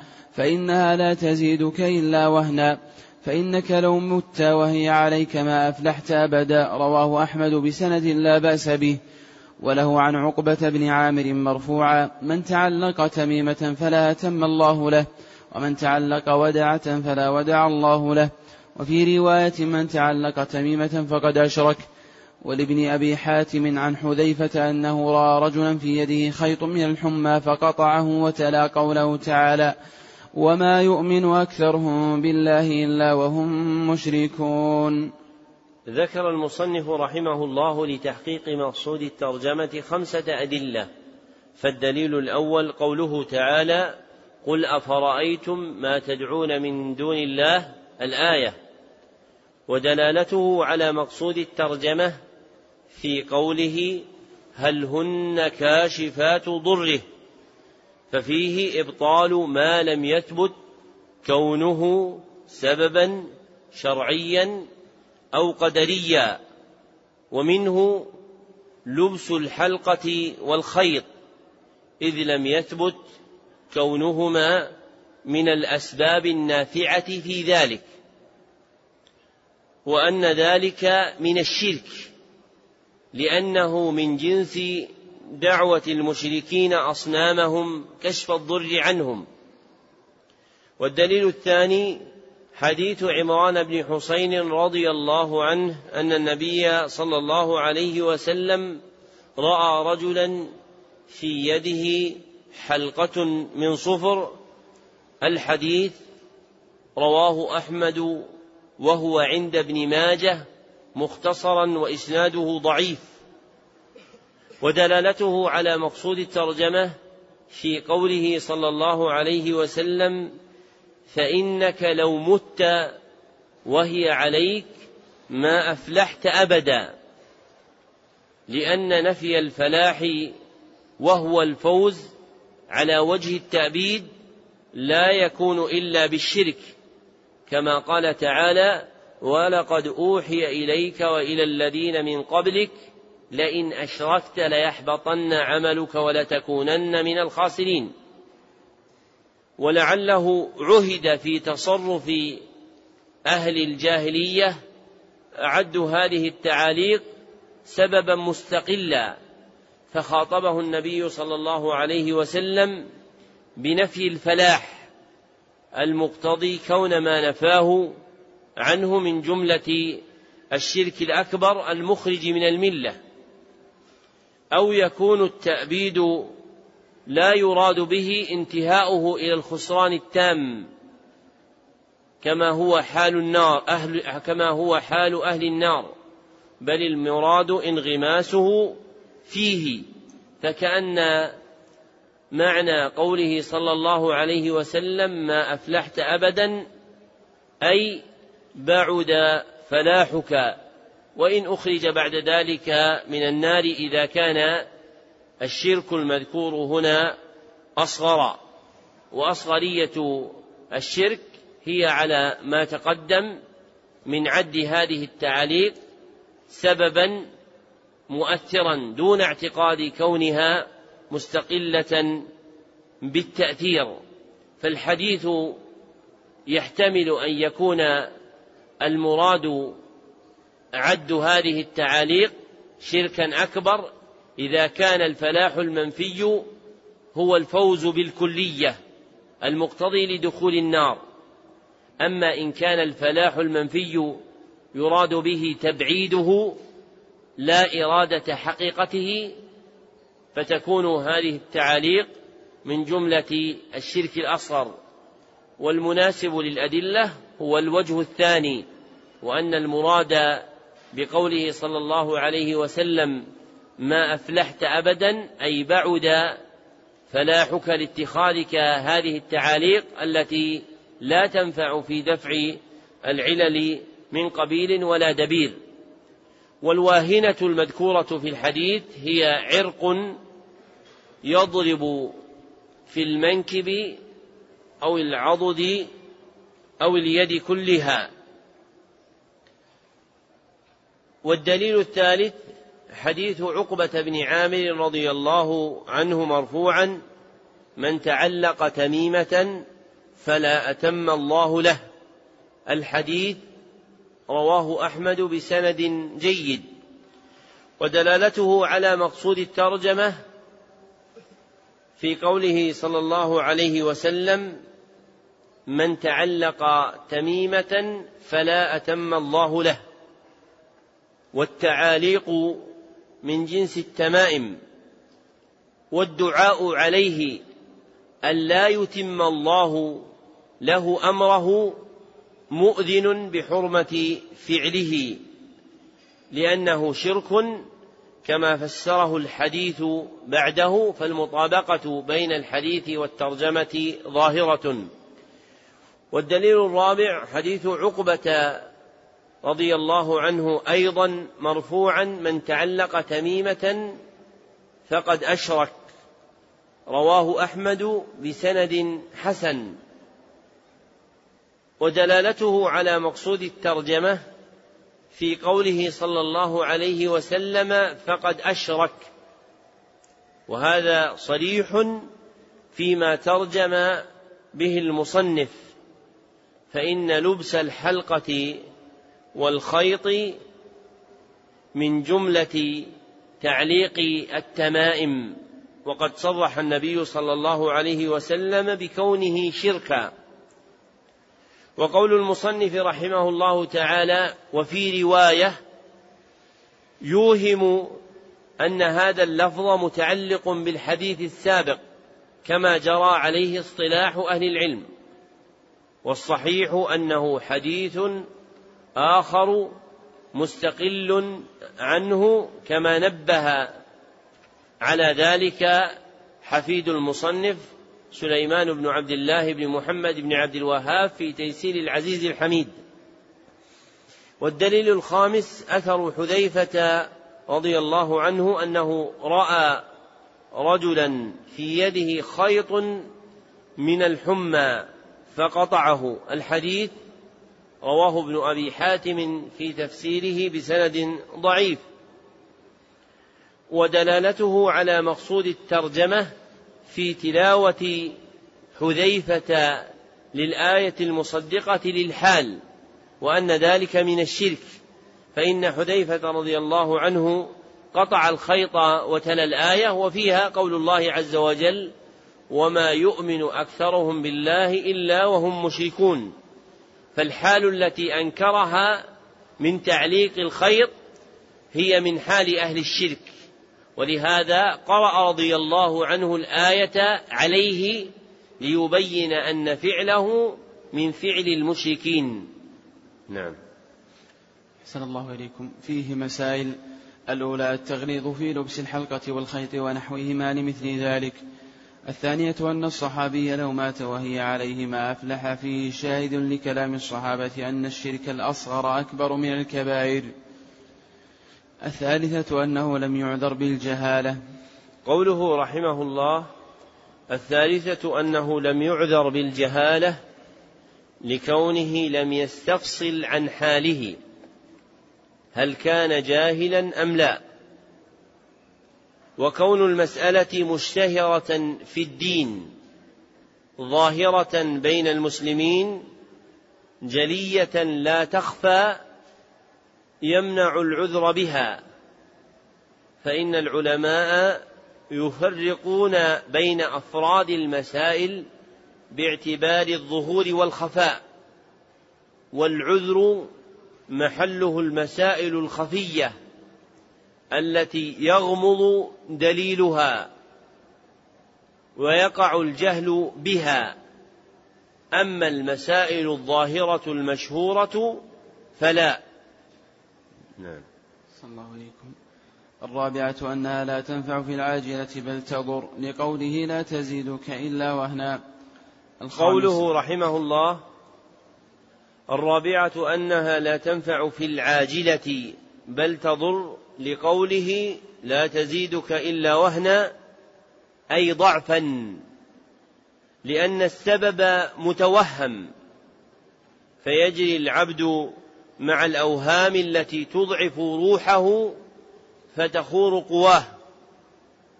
ومن الأحوال التي تنبغي ملاحظتها في إصلاح النفس عدم الاسترسال مع الخطرات والوساوس التي ترسل عليها فإن العبد إذا فتح على نفسه أبواب الخواطر والأوهام استولت عليه فأضعفته وخرجت روحه عن قوتها. ومن أسرار الحقائق التوحيدية تقويتها للروح البشرية فإن التوحيد له أثر في تقوية الروح بدفع الأوهام والخيالات. وانظر إلى ما اتفق للخليلين إبراهيم ومحمد عليهما الصلاة والسلام في قوة توحيدهما لما أريد حرق الأول وإيذاؤه بالنار وقتل الثاني وإخراجه مهاجرا من مكة فكان في قولهما ما يدل على رسوخ توحيدهما وقوة روحهما وكمال اتصالهما بالله سبحانه وتعالى. وهذا شيء خارج عن المعارف البشرية وإنما علمناه بالأدلة الشرعية. فأدوية الأطباء في كل جنس لا تنعت هذا الدواء في الأحوال النفسية. لكن الدلائل الشرعية دلت على أن أنجع الأدوية الروحية وأنفعها في تقوية النفس هو توحيد الله عز وجل. فمن قوي توحيده قويت روحه ومن قوة روحه اندفاع الخيالات والأوهام الواردة على نفسه عنها. وهذا من أعظم المكاسب التي يحصلها العبد. فإن من امتلأ قلبه بالإقبال على الله عز وجل موحدا له لم يكن ملتفتا إلى سواه. فإن القوي عنده هو الله وكل أحد سواه ضعيف والغني عنده هو الله وكل أحد سواه فقير والقادر عنده هو الله وكل أحد سواه عاجز كثير. فإذا امتلأ قلب العبد بحب الله عز وجل والتوكل عليه والدوران مع أمره وإجلاله وتعظيمه حصلت له قوة عظيمة. يحقق بها مطالبه ويأمن بها من كل سوء. وإذا ضعف توحيد العبد تسلط عليه أضعف شيء من الاوهام والخيالات. وكثير من المشتغلين بتحقيق مسائل التوحيد لا يرعون هذا الأصل في نفوسهم. فإذا درس أحدهم بابا يتضمن بيان أن لبس الحلقة والخيط من الشرك كان آخر عقله للتوحيد منه معرفته أن هذه المسألة من جملة الشرك الأصغر. أما إفضاء علمه إلى امتلاء قلبه بتفويض الأمر إلى الله عز وجل في الأسباب وأن ما شاء الله كان وما لم يشأ الله لم يكن فإنه ضعيف في أكثر قلوب الخلق. بل منهم من صار يتعاطى الأسباب دون كمال إقبال على خالقها سبحانه وتعالى. فالمرء إذا تعلل بوجع رأسه أو ألم ضرسه فزع إلى شيء من الأسباب لمداواة ذلك الألم والوجع ويغفل عن إقبال قلبه على الله عز وجل أن هذه العلل جعلت لها أسباب بتقديره سبحانه. فإذا شاء الله عز وجل أزال تلك العلل بالأسباب المعروفة عند الناس وإذا شاء الله سبحانه وتعالى منع تأثير تلك الأسباب في العلل الموجودة. وارمق هذا في الأمراض التي يسميها الأطباء بالمأيوس من شفائها. فإن من المرضى بها من يقوى إقباله على الله ويكمل تعلقه به فيشفى من علته. ومنهم من يصاب بما دونها فيضعف توكله على الله ويظهر جزعه من قدر الله سبحانه وتعالى. فاعلم يا طالب العلم أن أعظم مقاصد طلابك للتوحيد أن تملأ قلبك بتوحيد الله عز وجل وأن تقوي روحك به وأنه كما يفزع أرباب رياضات الأبدان إلى تقوية قلوبهم بما يتخذونه من الرياضات فإنك تفزع إلى الله عز وجل في تعلم توحيده كي تقوى روحك ويكمل إقبالك على ربك. نعم. أحسن الله إليكم. الخامسة الإنكار بالتغليظ على من فعل مثل ذلك. السادسة التصريح بأن من تعلق شيئا وكل إليه. قوله رحمه الله السادسة التصريح بأن من تعلق شيئا وكل إليه لقوله صلى الله عليه وسلم فإنها لا تزيدك إلا وهنا. وسيأتي التصريح بهذا في حديث عبد الله بن عكيم رضي الله عنه في الباب الآتي. نعم. أحسن الله إليكم. السابعة التصريح بأن من تعلق تميمة فقد أشرك. الثامنة أن من تعلق الخيط من الحمى من ذا أن تعليق الخيط من الحمى من ذلك. التاسعة تلاوة حذيفة الآية.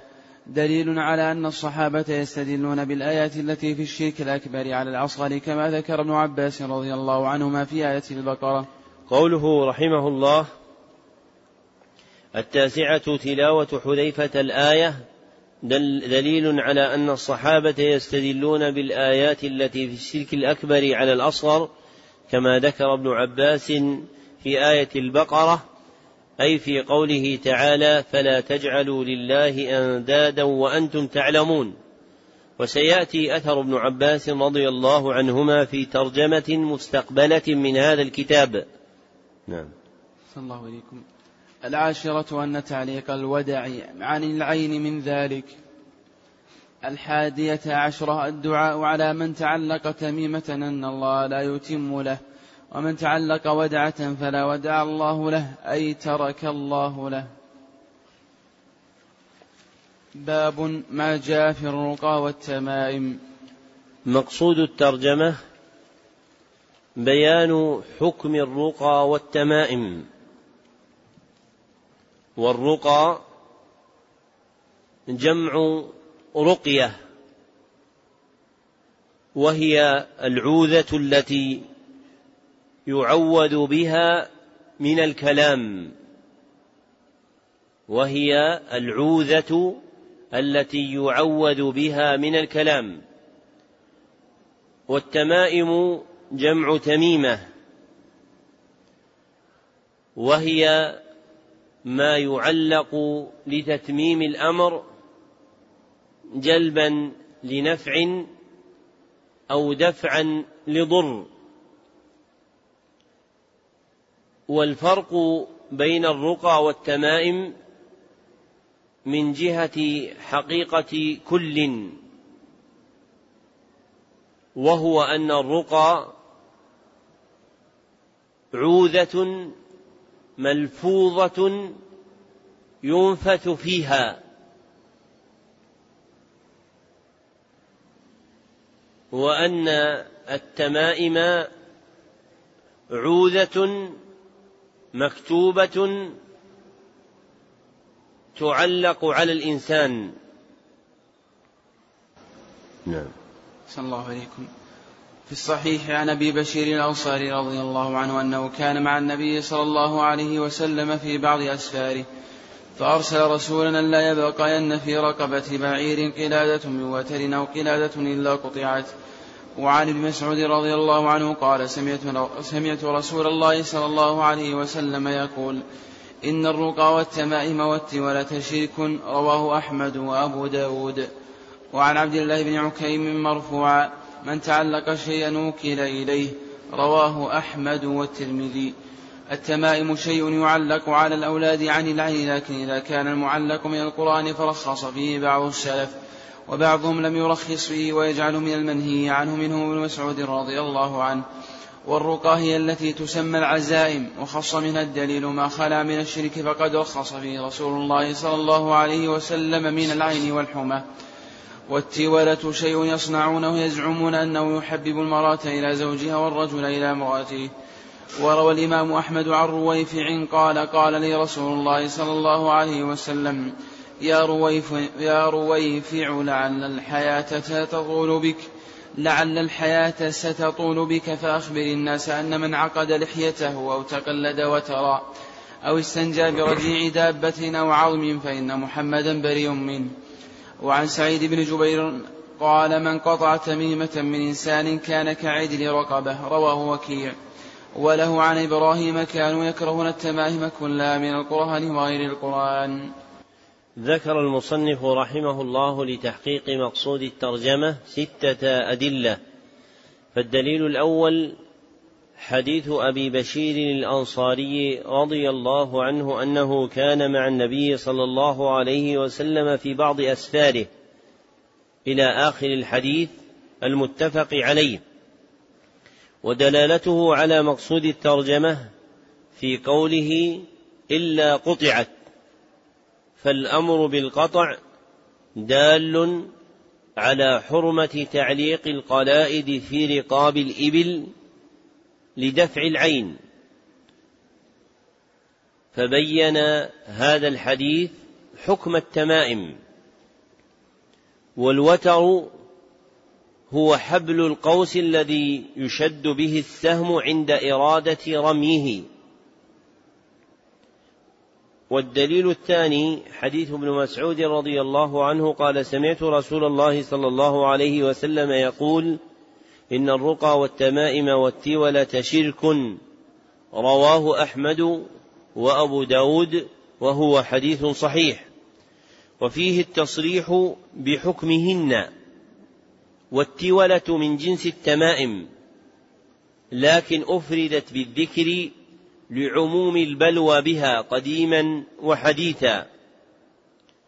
والرقى الشركية الموصوفة بهذا الوصف هي ما اشتمل على شرك فأل في قوله الرقى للعهد لا للعموم. لما في صحيح مسلم أن النبي صلى الله عليه وسلم قال لا بأس بالرقى ما لم تكن شركا والجمع بين الحديثين يقتضي أن تكون الرقى المقصودة بالتحريم والوصف بالشرك هي ما اشتمل عليه. أما ما سلم منه فلا بأس بها للحديث المصرح بذلك. والتمائم الشركية هي التعاليق التي ليست من القرآن فتكون ال أيضا في قوله صلى الله عليه وسلم التمائم للعهد لا للعموم والمراد بها التمائم المشتملة على الشرك. أما التعاليق القرآنية فإنها محرمة في أصح القولين لكن لا يقال إنها شرك لأن إقبال القلب فيها كائن إلى أمر مشروع هو القرآن وحكم بتحريم التعاليق القرآنية لعموم أحاديث الباب ومنها قوله صلى الله عليه وسلم من تعلق تميمة فقد أشرك ومنها من تعلق شيئا أكل إليه وبه تعرف أن الرقى والتمائم المذكورتين في قوله صلى الله عليه وسلم إن الرقى والتمائم والتولة شرك ليست على العموم فأل فيهما ليست استغراقية تعم جميع الأفراد بل المراد بالرقى هنا الرقى الشركية المشتملة على الشرك دون ما خلا منه لقوله صلى الله عليه وسلم لا بأس بالرقى ما لم تكن شركا والمراد بالتمائم فيه التمائم التي تشتمل على شرك. أما تمائم التعاليق القرآنية فهي غير داخلة في هذا العموم. لأن توجه القلب فيها إلى المعلق وهو القرآن الكريم والقرآن الكريم شفاء للمؤمنين وهو مما يتوسل إلى الله عز وجل بقراءته في تحصيل المقصود ومنه الشفاء. فلا يكون تعليق شيء من التمائم القرآنية شركا ولكنه محرم فتكون تميمة محرمة لا شركية. ويلحق بالقرآن ما كان من الأدعية والأذكار المأثورة فلها حكمه في تعليقها. وبه تعلم أن الرقى تنقسم إلى قسمين اثنين. أحدهما الرقى الشرعية وهي الرقى السالمة من الشرك والآخر الرقى الشركية وهي الرقى المشتملة على الشرك. وتعلم أيضا أن التمائم تنقسم إلى قسمين اثنين. الأول التمائم الشركية وهي التمائم المشتملة على الشرك.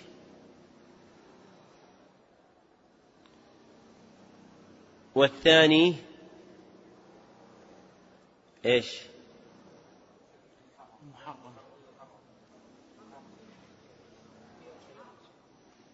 التمائم المحرمة. التمائم المحرمة وهي التعاليق التي لا تشتمل على الشرك ومنها التعاليق القرآنية. وعلى ذلك فليس من التمائم شيء شرعي بل كلها محرمة إما مع كونها شركا وإما هي خالية منه لكنها محرمة لعموم الأحاديث في الباب. والدليل الثالث حديث عبد الله بن عكيم رضي الله عنه أن النبي صلى الله عليه وسلم قال من تعلق شيئا وكل إليه رواه أحمد والترمذي وهو حديث حسن. ودلالته على مقصود الترجمة في قوله صلى الله عليه وسلم وكل إليه فإن من وكل إلى غير الله هلك. فيدل ذلك على حرمة التعاليق لأنها مؤدية إلى الهلاك. وكل ما أدى إلى الهلاك فهو حرام. والدليل الرابع حديث رويفع رضي الله عنه قال قال لي رسول الله صلى الله عليه وسلم يا رويفع الحديث رواه أحمد كما عزاه إليه المصنف وهو عند أبي داود والنسائي بسند صحيح والعزو إليهما أولى.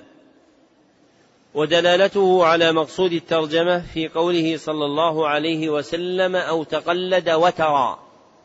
مع قوله فإن محمدا بريء منه.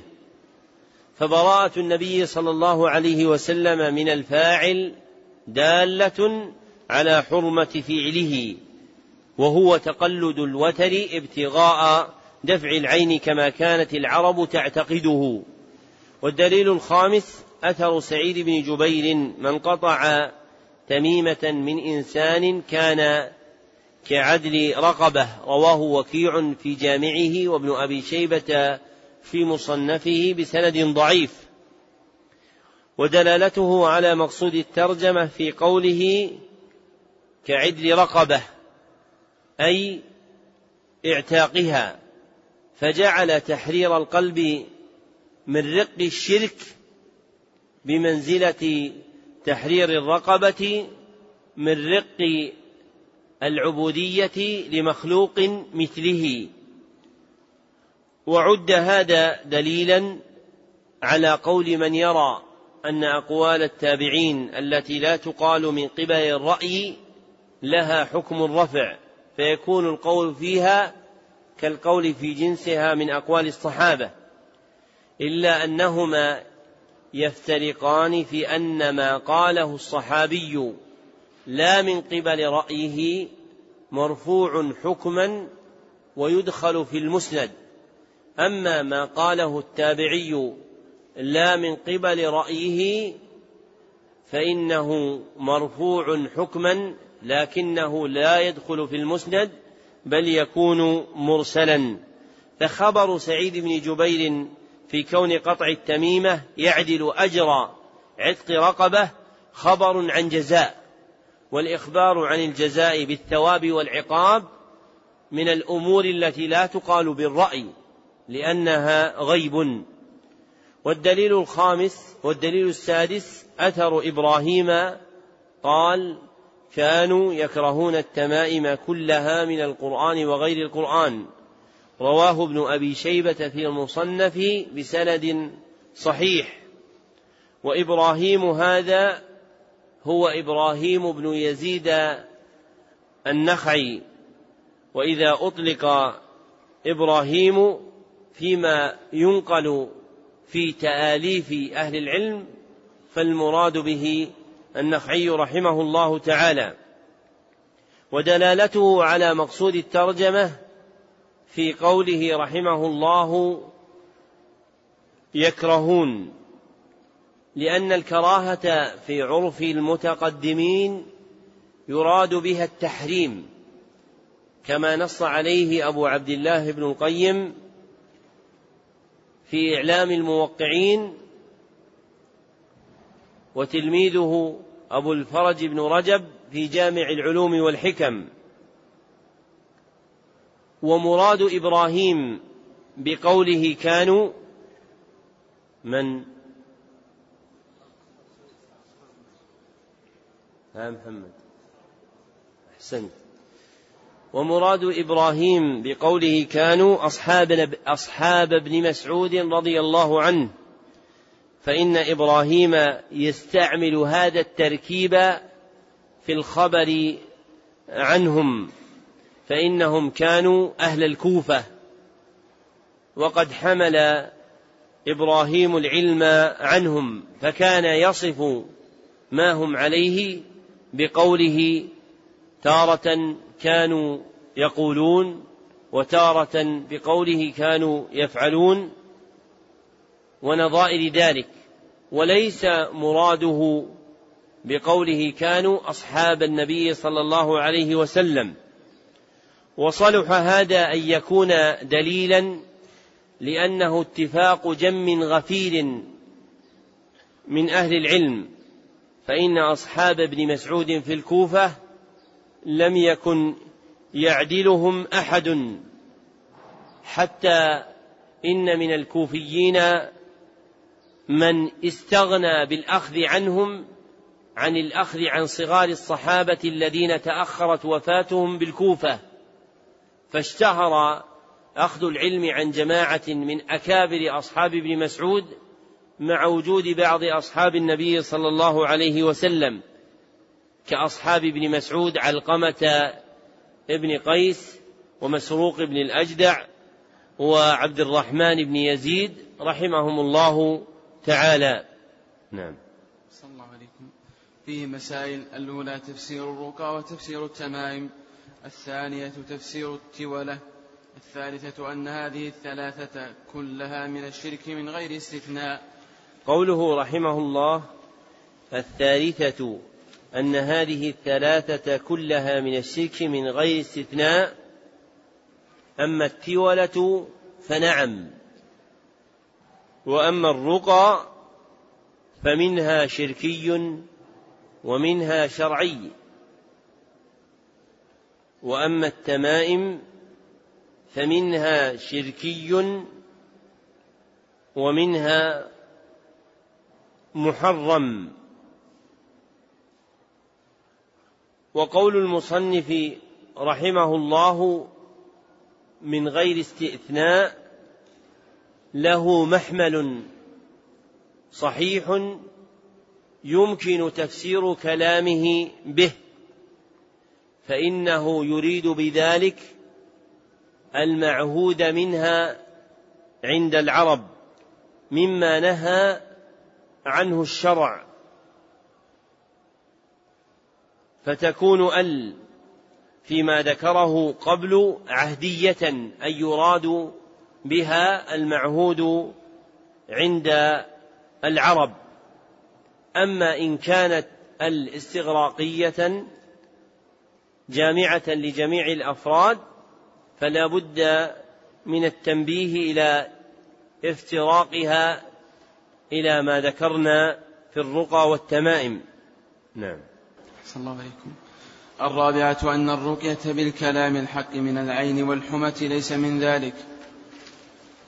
الخامسة أن التميمة إذا كانت من القرآن فقد اختلف العلماء هل هي من ذلك أم لا. السادسة أن تعليق الأوتار على الدواب من العين من ذلك. السابعة الوعيد شديد في من تعلق وترى. الثامنة فضل ثواب من قطع تميمة من إنسان. التاسعة أن كلام إبراهيم لا يخالف ما تقدم من الاختلاف لأن مراده أصحاب عبد الله بن مسعود. باب من تبرك بشجرة أو حجر ونحوهما. مقصود الترجمة بيان أن التبرك بالأشجار والأحجار ونحوها من الشرك أو بيان حكمه. فمن يجوز أن تكون شرطية وجواب الشرط محذوف تقديره فقد أشرك. ويجوز أن تكون موصولة أي الذي تبرك بشجر أو حجر ونحوهما. فيكون المعنى على الأول باب من تبرك بشجرة أو حجر ونحوهما فقد أشرك. ففيه بيان الحكم. ويكون المعنى على الثاني باب بيان حكم الذي تبرك بشجر أو حجر ونحوهما. والتبرك تفعل من البركة. أي طلب لها. فإذا قيل التبرك بكذا وكذا فالمقصود طلب البركة والتماسها منه. والبركة هي كثرة الخير ودوامه. والتبرك يكون شركا في حالين. الحال الأولى إذا اعتقد استقلال المتبرك به في التأثير وهذا شرك أكبر فيتبرك بشيء ما معتقدا أن ما تبرك به مستقل في التأثير بحصول المقصود من جلب نفع أو دفع ضر. والحال الثانية إذا لم يعتقد أن المتبرك به مؤثر تاثيرا مستقلا. لكن تبرك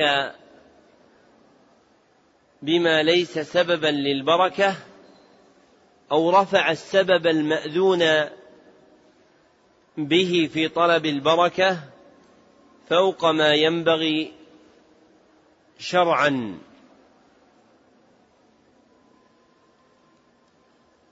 وهذا شرك أصغر.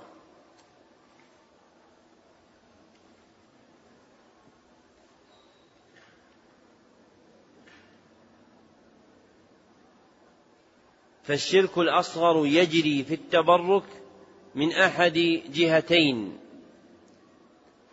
الأولى التبرك بما ليس سببا للبركة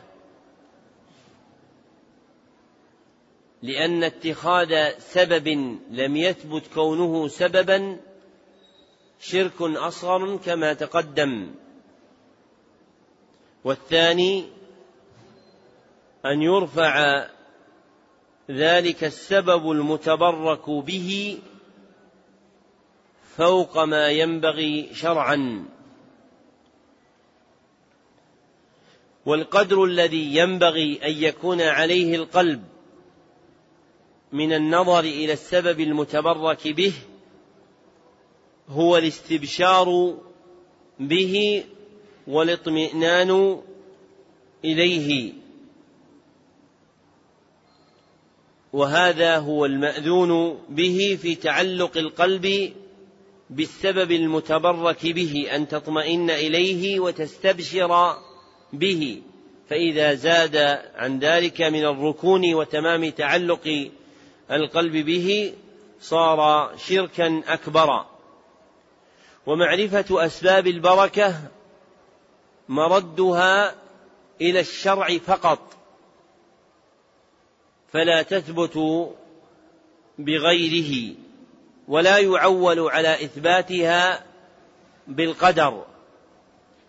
فمن زعم أن شيئا ما إذا تبرك به حصل المقصود بالنظر إلى التجربة وجريان العادة بين الناس كان قوله باطلا لأن جعل البركة في شيء في شيء يفتقر إلى خبر صادق من الوحي لأن ذلك غيب لا يطلع عليه إلا بدليل وإذا لم يوجد الدليل فإنه لا يجوز جعل شيء من الأسباب سببا للبركة كما أن الأسباب المتبرك بها لا يجوز التبرك بها إلا على وجه شرعي.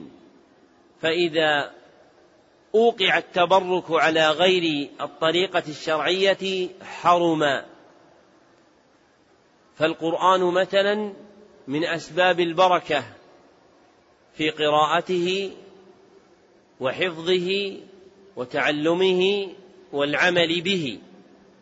لكن من ألمت به ملمة وأصابته داهية ثم أخذ المصحف وفتحه ووضع يده على كلمة منه متبركا بالقرآن أن تقع يده على ما يعينه على كشف هذه الملمة عنه فذلك تبرك محرم. لأنه إيقاع للسبب المتبرك به على وجه لم تأذن به الشريعة. وتوسيع التبرك بالأسباب المأذون بها شرعا يفضي إلى الوقوع في المحذور. فيجب أن يقتصر على ما جاء نعته في الشرع دون غيره. فماء زمزم مثلا يتبرك بشربه كما ورد في الحديث ماء زمزم لما شرب له. فذكر في الشرع طريق واحد للتبرك بماء زمزم هو شربه بنية وصول العبد إلى مقصوده والحديث المذكور فيه ضعف.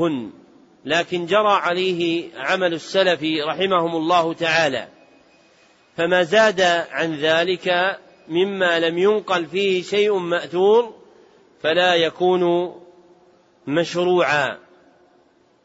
فمثلا يوجد في الأسواق كحل من الأكحال من الإثمد كتب عليه إثمد مرقد. بماء زمزم. يعني مصبوغ بماء زمزم. فهذا تبرك بماء زمزم على وجه غير مأذون به شرعا. وإذا توسع الناس في هذا وقعوا في المحذور. ولا يبعد أن يعمد بعض الناس إلى أن يأخذ شيئا من ماء زمزم. إذا أراد أن يشيد بناء فيجعله في خلطة بنائه رجاء التبرك به. فمثل هذا ممنوع منه شرعا لأنه تبرك بشيء مبارك شرعا لكن على وجه غير مأذون به في الشرع. والناس إذا خرجوا عن المحدود شرعا وقعوا في المحذور. نعم. صلى الله عليكم. وقول الله تعالى فرأيتم اللات والعزى ومناة الثالثة الأخرى الآيات. عن أبي بكر الليثي رضي الله عنه قال خرجنا مع رسول الله صلى الله عليه وسلم إلى حنين ونحن حدثاء عهد بكفر وللمشركين سدرة يعكفون عندها وينوطون بها أسلحتهم. يقال لها ذات أنواط فمررنا بسدرة فقلنا يا رسول الله اجعل لنا ذات أنواط كما لهم ذات أنواط. فقال رسول الله صلى الله عليه وسلم الله أكبر إنها السنن. قلتم والذي نفسي بيده؟ كما قالت بنو إسرائيل كما قالت بني كما قالت بنو إسرائيل لموسى اجعل لنا إلها كما لهم آلهة. قال إنكم قوم تجهلون. لتركبن لتركبن سنن من كان قبلكم رواه الترمذي وصححه. ذكر المصنف رحمه الله لتحقيق مقصود الترجمة دليلين اثنين.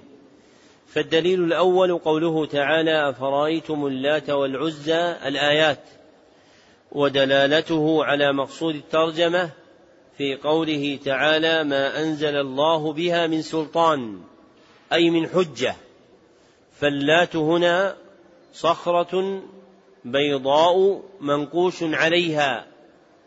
مرفوع عليها بناء مشيد والعزى شجرة ثمر بني حولها وجعل لها أستار ومناة صنم كانوا يتبركون به فأبطل الله عبادتهم بقوله ما أنزل الله بها من سلطان فمن فعل كفعلهم فقد أشرك وكان فعلهم التبرك بالأشجار والأحجار ويلحق بها التبرك بما لم يأذن الله عز وجل به من الأسباب. وسيأتي للات معنى آخر وهو أنه كان رجلا صالحا. والدليل الثاني حديث ذات أنواط وهو عند الترمذي بسند صحيح. ودلالته على مقصود الترجمة في قوله صلى الله عليه وسلم قلتم والذي نفسي بيده كما قالت بنو إسرائيل لموسى اجعل لنا إلها كما لهم آلهة. فالتبرك بالأشجار والأحجار فيه نوع تأليه لها وإقبال بالقلب عليها. فقرأ النبي صلى الله عليه وسلم عليهم الآية المصدقة لحالهم أنهم طلبوا أمرا من أمور الشرك ومعنى قوله وينوطون بها أي يعلقون بها أسلحتهم متبركين فلم يكن قصد الإناطة هو رفع الأسلحة إليها وإنما قصدوا التبرك بها في تقوية السلاح وتجويده. نعم. فيه مسائل. الأولى تفسير آية النجم. الثانية معرفة صورة الأمر الذي طلبوا. الثالثة كونهم لم يفعلوا.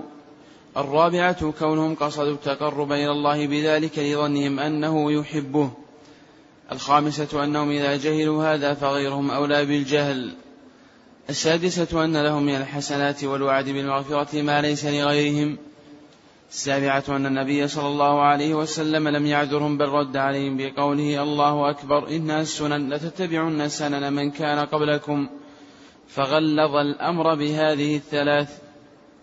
الثالثة الثامنة الأمر الكبير وهو المقصود أنه أخبر أن طلبهم كطلب بني إسرائيل. التاسعة أن نفي هذا من معنى لا إله إلا الله. مع دقته وخفائه على أولئك. قوله رحمه الله التاسعة أن نفي هذا من معنى لا إله إلا الله مع دقته وخفائه على أولئك أي نفي اعتقاد البركة من الأشجار والأحجار وغيرها من معنى لا إله إلا الله. ولو كان لا ينافيها لما أنكره رسول الله صلى الله عليه وسلم عليهم. وقرأ الآية المصدقة لكونه تأليها إذ قال بنو إسرائيل لموسى اجعل لنا إلها كما لهم آلهة ولكن لدقة هذا خفي عليهم. وإذا كان يخفى على أمثالهم فخفاء هذا على من بعدهم أولى وأحرى. فحاجة الخلق إلى العلم بالتوحيد ماسة. نعم. صلى الله عليكم. العاشرة أنه حلف على الفتيا وهو لا يحلف إلا لمصلحة. الحادية عشرة أن الشرك فيه أكبر وأصغر لأنهم لم يرتدوا بذلك. الثانية قوله عشرة. رحمه الله الحادية عشرة أن الشرك فيه أكبر وأصغر لأنهم لم يرتدوا بذلك لأنهم سألوا النبي صلى الله عليه وسلم أن يجعل لهم ذات أنواط طلبا للتبرك بها لا على اعتقاد كونها مستقلة بالتأثير. وهذا شرك أصغر كما سبق. فجعل شيء من الأسباب مما لم يأذن به الشرع سببا للبركة هو من جملة الشرك الأصغر. وقد صرح المصنف رحمه الله تعالى بكون ما فعله الصحابة من هذا الجنس. وأخرجه عن كونه شركا أخ أكبر بخلاف ظاهر كلامه في كشف الشبهات فإن ظاهر كلامه فيه أنهم طلبوا أمرا عظيما من الشرك الأكبر ولكنهم لم يرتدوا لأن النبي صلى الله عليه وسلم نهاهم فلم يفعلوا ولو أنهم فعلوا لكفروا.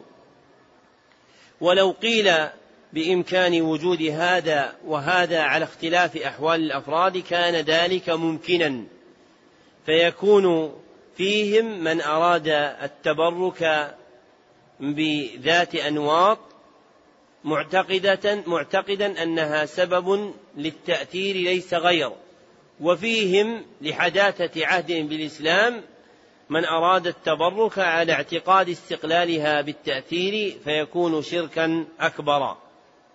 نعم. الله عليكم. الثانية عشرة قولهم ونحن حدثاء عهد بكفر.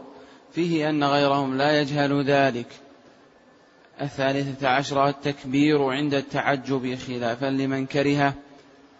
الرابعة عشرة سد الذرائع. الخامسة عشرة النهي عن التشبه بأهل الجاهلية. السادسة عشرة الغضب عند التعليم. السابعة عشرة القاعدة الكلية لقوله إنها السنن. الثامنة عشرة أن هذا علم من أعلام النبوة لكونه وقع كما أخبر.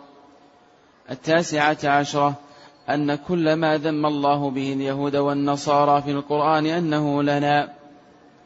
العشرون أنه متقرر عندهم أن العبادات مبناها على الأمر فصار فيها التنبيه على مسائل القبر. أما من ربك فواضح. وأما من نبيك فمن, فمن إخباره بأنباء الغيب وأما ما دينك فمن قولهم اجعل لنا إلها إلى آخره.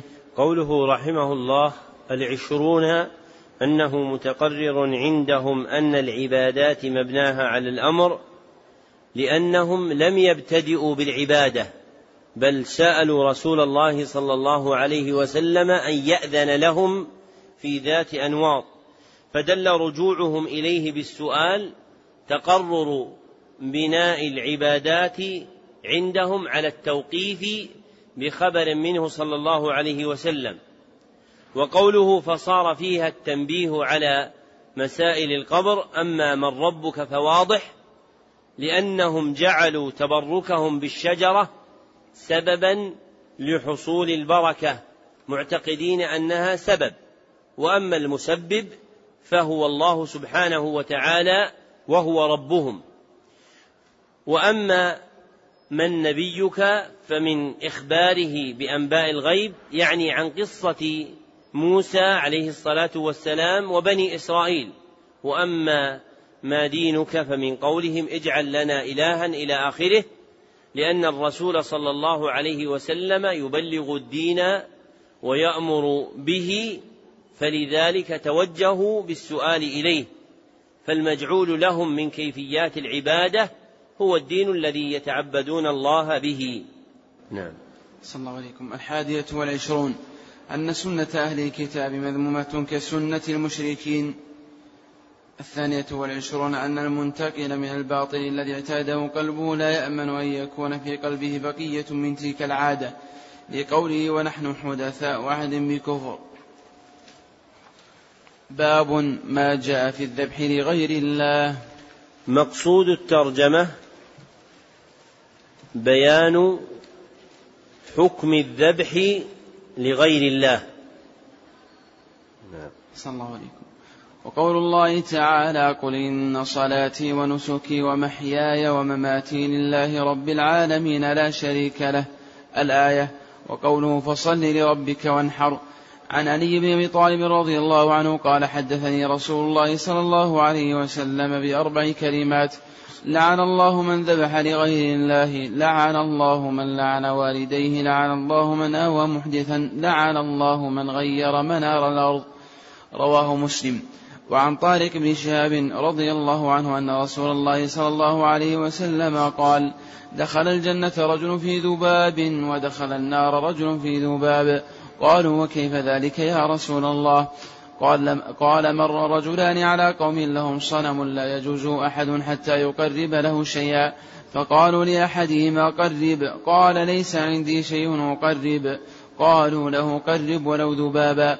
فقرب ذبابا فخلوا سبيله فدخل النار. وقالوا للآخر وقالوا للآخر قرب. فقال ما كنت لأقرب لأحد شيئا دون الله عز وجل. فضربوا عنقه فدخل الجنة رواه أحمد. ذكر المصنف رحمه الله لتحقيق مقصود الترجمة أربعة أدلة. فالدليل الأول قوله تعالى قل إن صلاتي الآية ودلالته على مقصود الترجمة في قوله ونسكي مع قوله لله رب العالمين فإن النسك هو الذبح. وكونه لله وحده يدل على أن جعله لغيره شرك. إذ حقيقة التوحيد إذ حقيقة الشرك كما تقدم هي جعل شيء من حقوق الله لغيره فمن ذبح لغير الله فقد أشرك. والدليل الثاني قوله تعالى فصل لربك وانحر. ودلالته على مقصود الترجمة في قوله تعالى وانحر. والنحر هو الذبح وكونه لله وحده يدل على أن جعله لغيره شرك. وهذان الدليلان نص في بيان مقصود الترجمة وأن الذبح لغير الله شرك إذ تضمن بيان أن الذبح لا يكون قربة يتقرب بها إلا إلى الله. فإذا جعلت هذه القربة لغيره كان ذلك صرفا لحقه إلى من سواه وهو شرك. والدليل الثالث حديث علي بن أبي طالب رضي الله عنه قال حدثني رسول الله صلى الله عليه وسلم بأربع كلمات الحديث رواه مسلم ودلالته على مقصود الترجمة في قوله صلى الله عليه وسلم لعن الله من ذبح لغير الله. فاللعن إنما يكون على فعل محرم منهي عنه على وجه التعظيم مما يسمى كبيرة ففيه بيان أن الذبح لغير الله من كبائر الذنوب. والدليل الرابع حديث طارق بن شهاب رضي الله عنه أن رسول الله صلى الله عليه وسلم قال دخل الجنة رجل في ذباب الحديث رواه أحمد وإطلاق العزو إليه يقتضي أن يكون في المسند فإن من قواعد التخريج أن إطلاق العزو إلى الإمام أحمد يقتضي أن يكون الحديث المعزو إليه موجودا في كتابه المسند فإذا أريد عزو حديث ما إلى كتاب آخر له وجب التقييد وهذا الحديث ليس من الأحاديث المروية في مسند أحمد. وتبع فيه المصنف رحمه الله ابن القيم فإنه ساقه معزوا إلى أحمد بسنده ومتنه. وهذا الحديث إنما هو في كتاب الزهد للإمام أحمد فكان ينبغي تقييده بقول رواه أحمد في كتاب الزهد. ثم إن هذا الحديث في النسخ التي بأيدينا من كتاب الزهد من رواية طارق بن شهاب عن سلمان الفارسي رضي الله عنه قال دخل رجل الجنة في ذباب إلى آخره وإسناده صحيح وهو موقوف لفظا ويحتمل أن يكون له حكم الرفع لأنه إخبار عن جزاء. والإخبار عن الجزاء إخبار عن غيب لا يطلع عليه إلا بخبر صادق من الوحي فالأظهر أن له حكم الرفع. ودلالته على مقصود الترجمة في قوله فقرب ذبابا فخلوا سبيله فدخل النار أي ذبح لصنمهم ذبابا على وجه طلب القربى فدخل النار. وهذا من الوعيد الوارد في الذبح لغير الله الدال على حرمته. والشرك محرم في الأمم كلها. فلا تختص دلالة هذا الدليل بأمة دون أمة. نعم. صلى الله عليكم. فيه مسائل. الأولى تفسير قوله قل إن صلاتي ونسكي. الثانية تفسير قوله فصل لربك وانحر. الثالثة البداءة بلعنة من ذبح لغير الله. الرابعة لعن من لعن والديه ومنه منه أن تلعن والدي الرجل فيلعن والديك. الخامسة لعن من آوى محدثا وهو الرجل يحدث شيئا يجيب فيه حق الله فيلتجئ إلى من يجيره من ذلك. السادسة لعن من غير منار الأرض وهي المراسيم التي تفرق بين حقك من الأرض وحق جارك فتغيرها بتقديم أو تأخير. السابعة الفرق بين لعن المعين ولعن أهل المعاصي على سبيل العموم. الثامنة هذه القصة العظيمة وهي قصة الذباب. التاسعة كونه دخل النار بسبب ذلك الذباب. كونه دخل النار بسبب ذلك الذباب الذي لم يقصده بل فعله تخلصا من شرهم. قوله رحمه الله التاسعة كونه دخل النار بسبب ذلك الذباب الذي لم يقصده بل فعله تخلصا من شرهم أي لم يقصد التقرب به ابتداء وإنما لما حسن له قصده. أو يقال إنهم في الأمم السابقة كانوا يؤاخذون بما فعلوه ولو كانوا مكرهين بخلاف هذه الأمة. والأظهر إرادة الوجه الأول أنه لم يقصد التقرب به ابتداء لكن لما حسن له ذلك قصده وصار قلبه مشتملا على طلب القربة. نعم. الله عليكم. العاشرة معرفة قدر الشرك في قلوب المؤمنين. كيف صبر ذلك على القتل ولم يوافقهم على طلبهم مع كونهم لم يطلبوا إلا العمل الظاهر؟ الحادية عشرة أن الذي دخل النار مسلم لأنه لو كان كافرا لم يقل دخل النار في ذباب الثانية عشرة فيه شاهد للحديث الصحيح الجنة أقرب إلى أحدكم من شراك نعله والنار مثل ذلك الثالثة عشرة معرفة أن عمل القلب هو المقصود الأعظم حتى عند عبدة حتى عند عبدة الأصنام. قوله رحمه الله الثالثة عشرة معرفة أن عمل القلب هو المقصود الأعظم حتى عند عبدة الأصنام لأن ذبح الذباب لا منفعة فيه بأكل ولا غيره ولكن المقصود تأليه قلوب ذابحه لذلك الصنم بتعظيمه بالتقرب له بذبحه فطالبوه بما يدل على تعظيم قلبه لإلههم المعظم وهو الصنم ولو كان بأدنى سبب يدل على التعظيم وهو ذبح الذباب. نعم. صلى الله إليكم. باب لا يذبح لله بمكان يذبح فيه لغير الله. مقصود الترجمة بيان تحريم الذبح لله في مكان يذبح فيه لغير الله. ولا في الترجمة نافية. ويحتمل أنها للنهي. فيصير الكلام باب لا يذبح لله بمكان يذبح فيه لغير الله. واستظهر حفيد المصنف عبد الرحمن بن حسن في فتح المجيد أنها للنهي والنفي أصلا يتضمن النهي وزيادة والأصل في النهي أنه للتحريم والأصل في النهي أنه للتحريم والنفي دال على هذا المعنى أي معنى التحريم ويتضمن زيادة تأكيد فيما قصد نفيه وتحريم الذبح بمكان يذبح فيه لغير الله وقع لأمرين اثنين. أحدهما توقي مشابهة المشركين في عباداتهم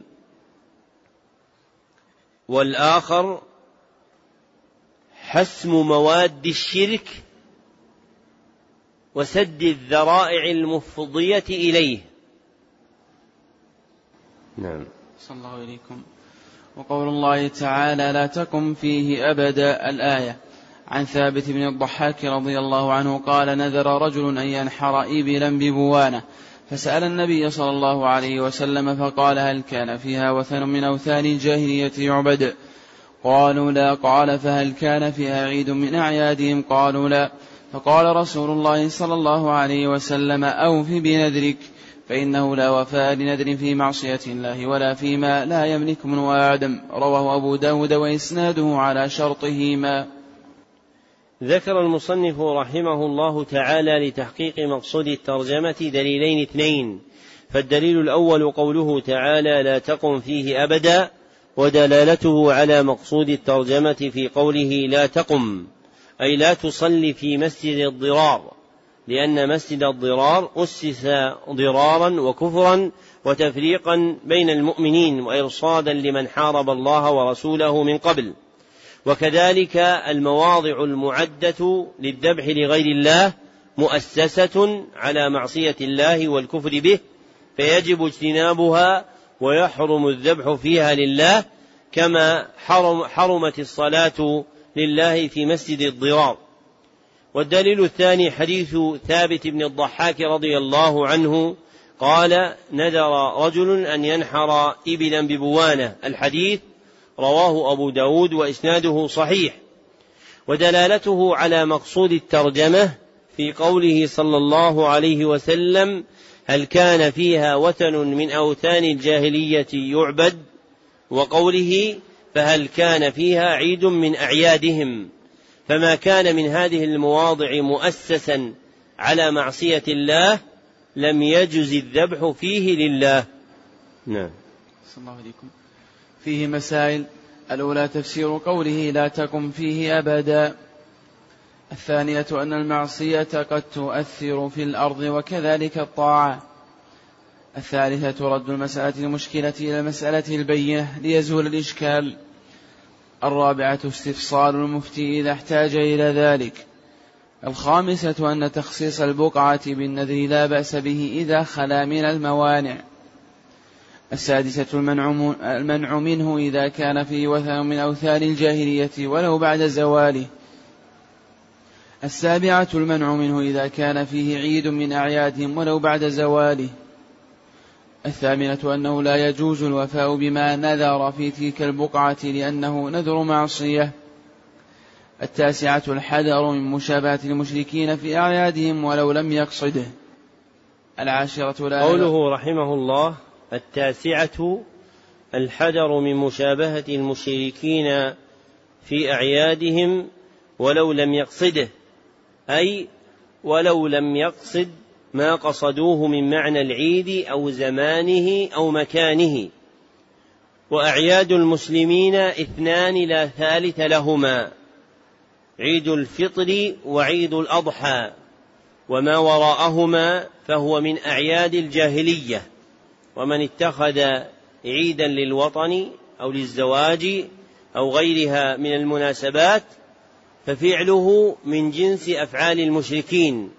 وإلا فما معنى قوله صلى الله عليه وسلم فهل كان فيها عيد من أعيادهم؟ فالأعياد قسمان اثنان. أحدهما أعياد إسلامية وهي الفطر والأضحى. والثاني أعياد جاهلية وهي كل ما سوى ذينك اليومين. فكل عيد قديم أو حديث زائد عن عيد الفطر والأضحى فهو من أعياد الجاهلية المحرمة لأن النسبة إلى الجاهلية تقتضي التحريم. وقد نسب النبي صلى الله عليه وسلم ما سوى العيدين إليهم فقال فهل كان فيها عيد من أعيادهم؟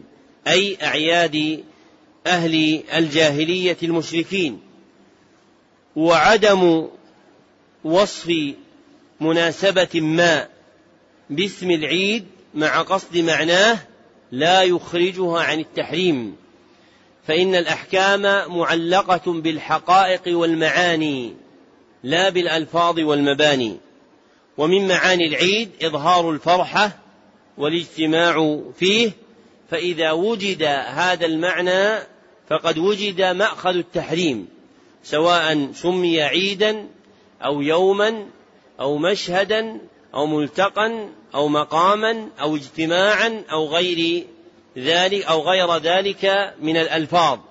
فإن الألفاظ لا تغير الأحكام والأيام لا تغير الإسلام. والدين الذي جاء به محمد صلى الله عليه وسلم لا يتغير. فما مات عنه صلى الله عليه وسلم هو الدين الكامل.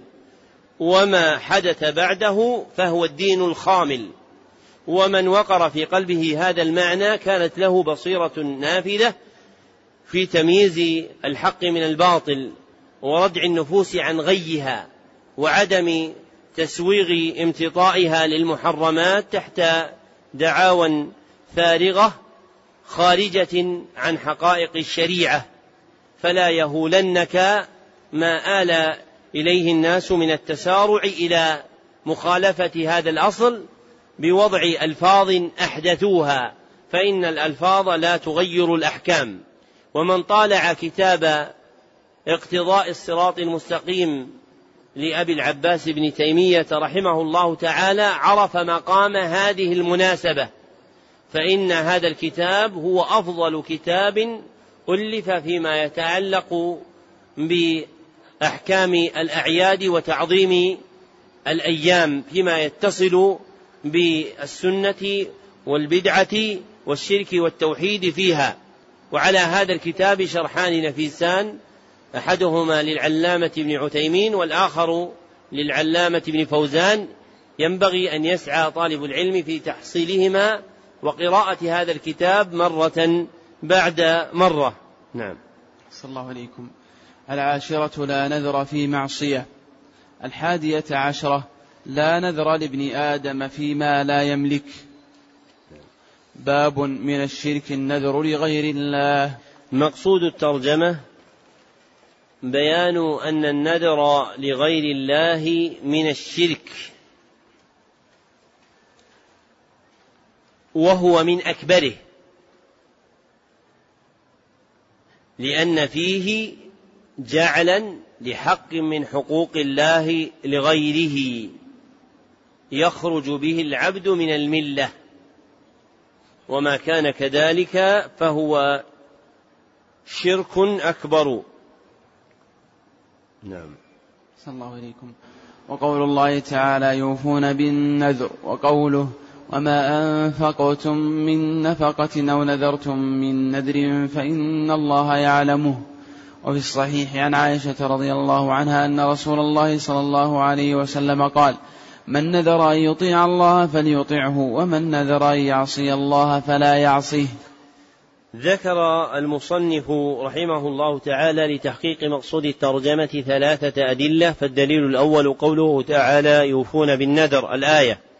ودلالته على مقصود الترجمة في قوله يوفون بالنذر فإن الله مدح المؤمنين بوفائهم بنذرهم لله وما مدح عليه فاعله فهو عبادة فالنذر لله عبادة. وإذا تقرر كونه عبادة فإن جعله لغير الله شرك كما ترجم به المصنف. والدليل الثاني قوله تعالى وما أنفقتم من نفقة الآية. ودلالته على مقصود الترجمة في قوله فإن الله يعلمه. والمراد علم الجزاء ففيه الرضا به. وما رضيه الله عز وجل من القرب فهو عبادة. فيكون النذر لله عبادة وجعله لغيره شرك فالمطابقة بين الآية والترجمة حينئذ ظاهرة.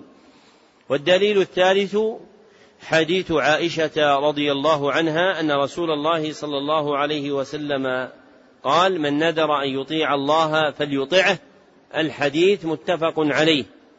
ودلالته على مقصود الترجمة في قوله صلى الله عليه وسلم من نذر أن يطيع الله فليطعه فالنذر طاعة يتقرب بها إلى الله وما تقرب به إلى الله فهو عبادة وجعل تلك العبادة لغيره شرك ولا تخفى حينئذ مطابقة الحديث للترجمة إذ هو متضمن أن النذر عبادة لله فجعلها لغيره شرك.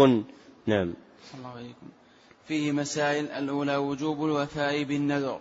قوله رحمه الله الأولى وجوب الوفاء بالنذر أي نذر الطاعة دون المعصية. فأل هنا في قوله النذر عهدية تختص بالطاعة وليست استغراقية تعم جميع أفراده. نعم. الله عليكم. الثانية إذا ثبت كونه عبادة لله فصرفه إلى غيره شرك. قوله رحمه الله الثانية إذا ثبت كونه عبادة لله فصرفه إلى غيره شرك تقدم أن الموافق للخطاب الشرعي وهو أدل على المعنى أن يقال فجعله لغير الله شرك. فالجعل أولى في هذا المحل من الصرف. نعم. صلى الله عليكم. الثالثة أن نذر المعصية لا يجوز الوفاء به. وبهذا ينتهي شرح هذه الجملة من الكتاب على نحو مختصر يوقف على مقاصده الكلية ومعانيه الإجمالية. اللهم إنا نسألك علما في المهمات ومهما في المعلومات. وبالله التوفيق وصلى الله وسلم على عبده ورسوله محمد وآله صحبه أجمعين.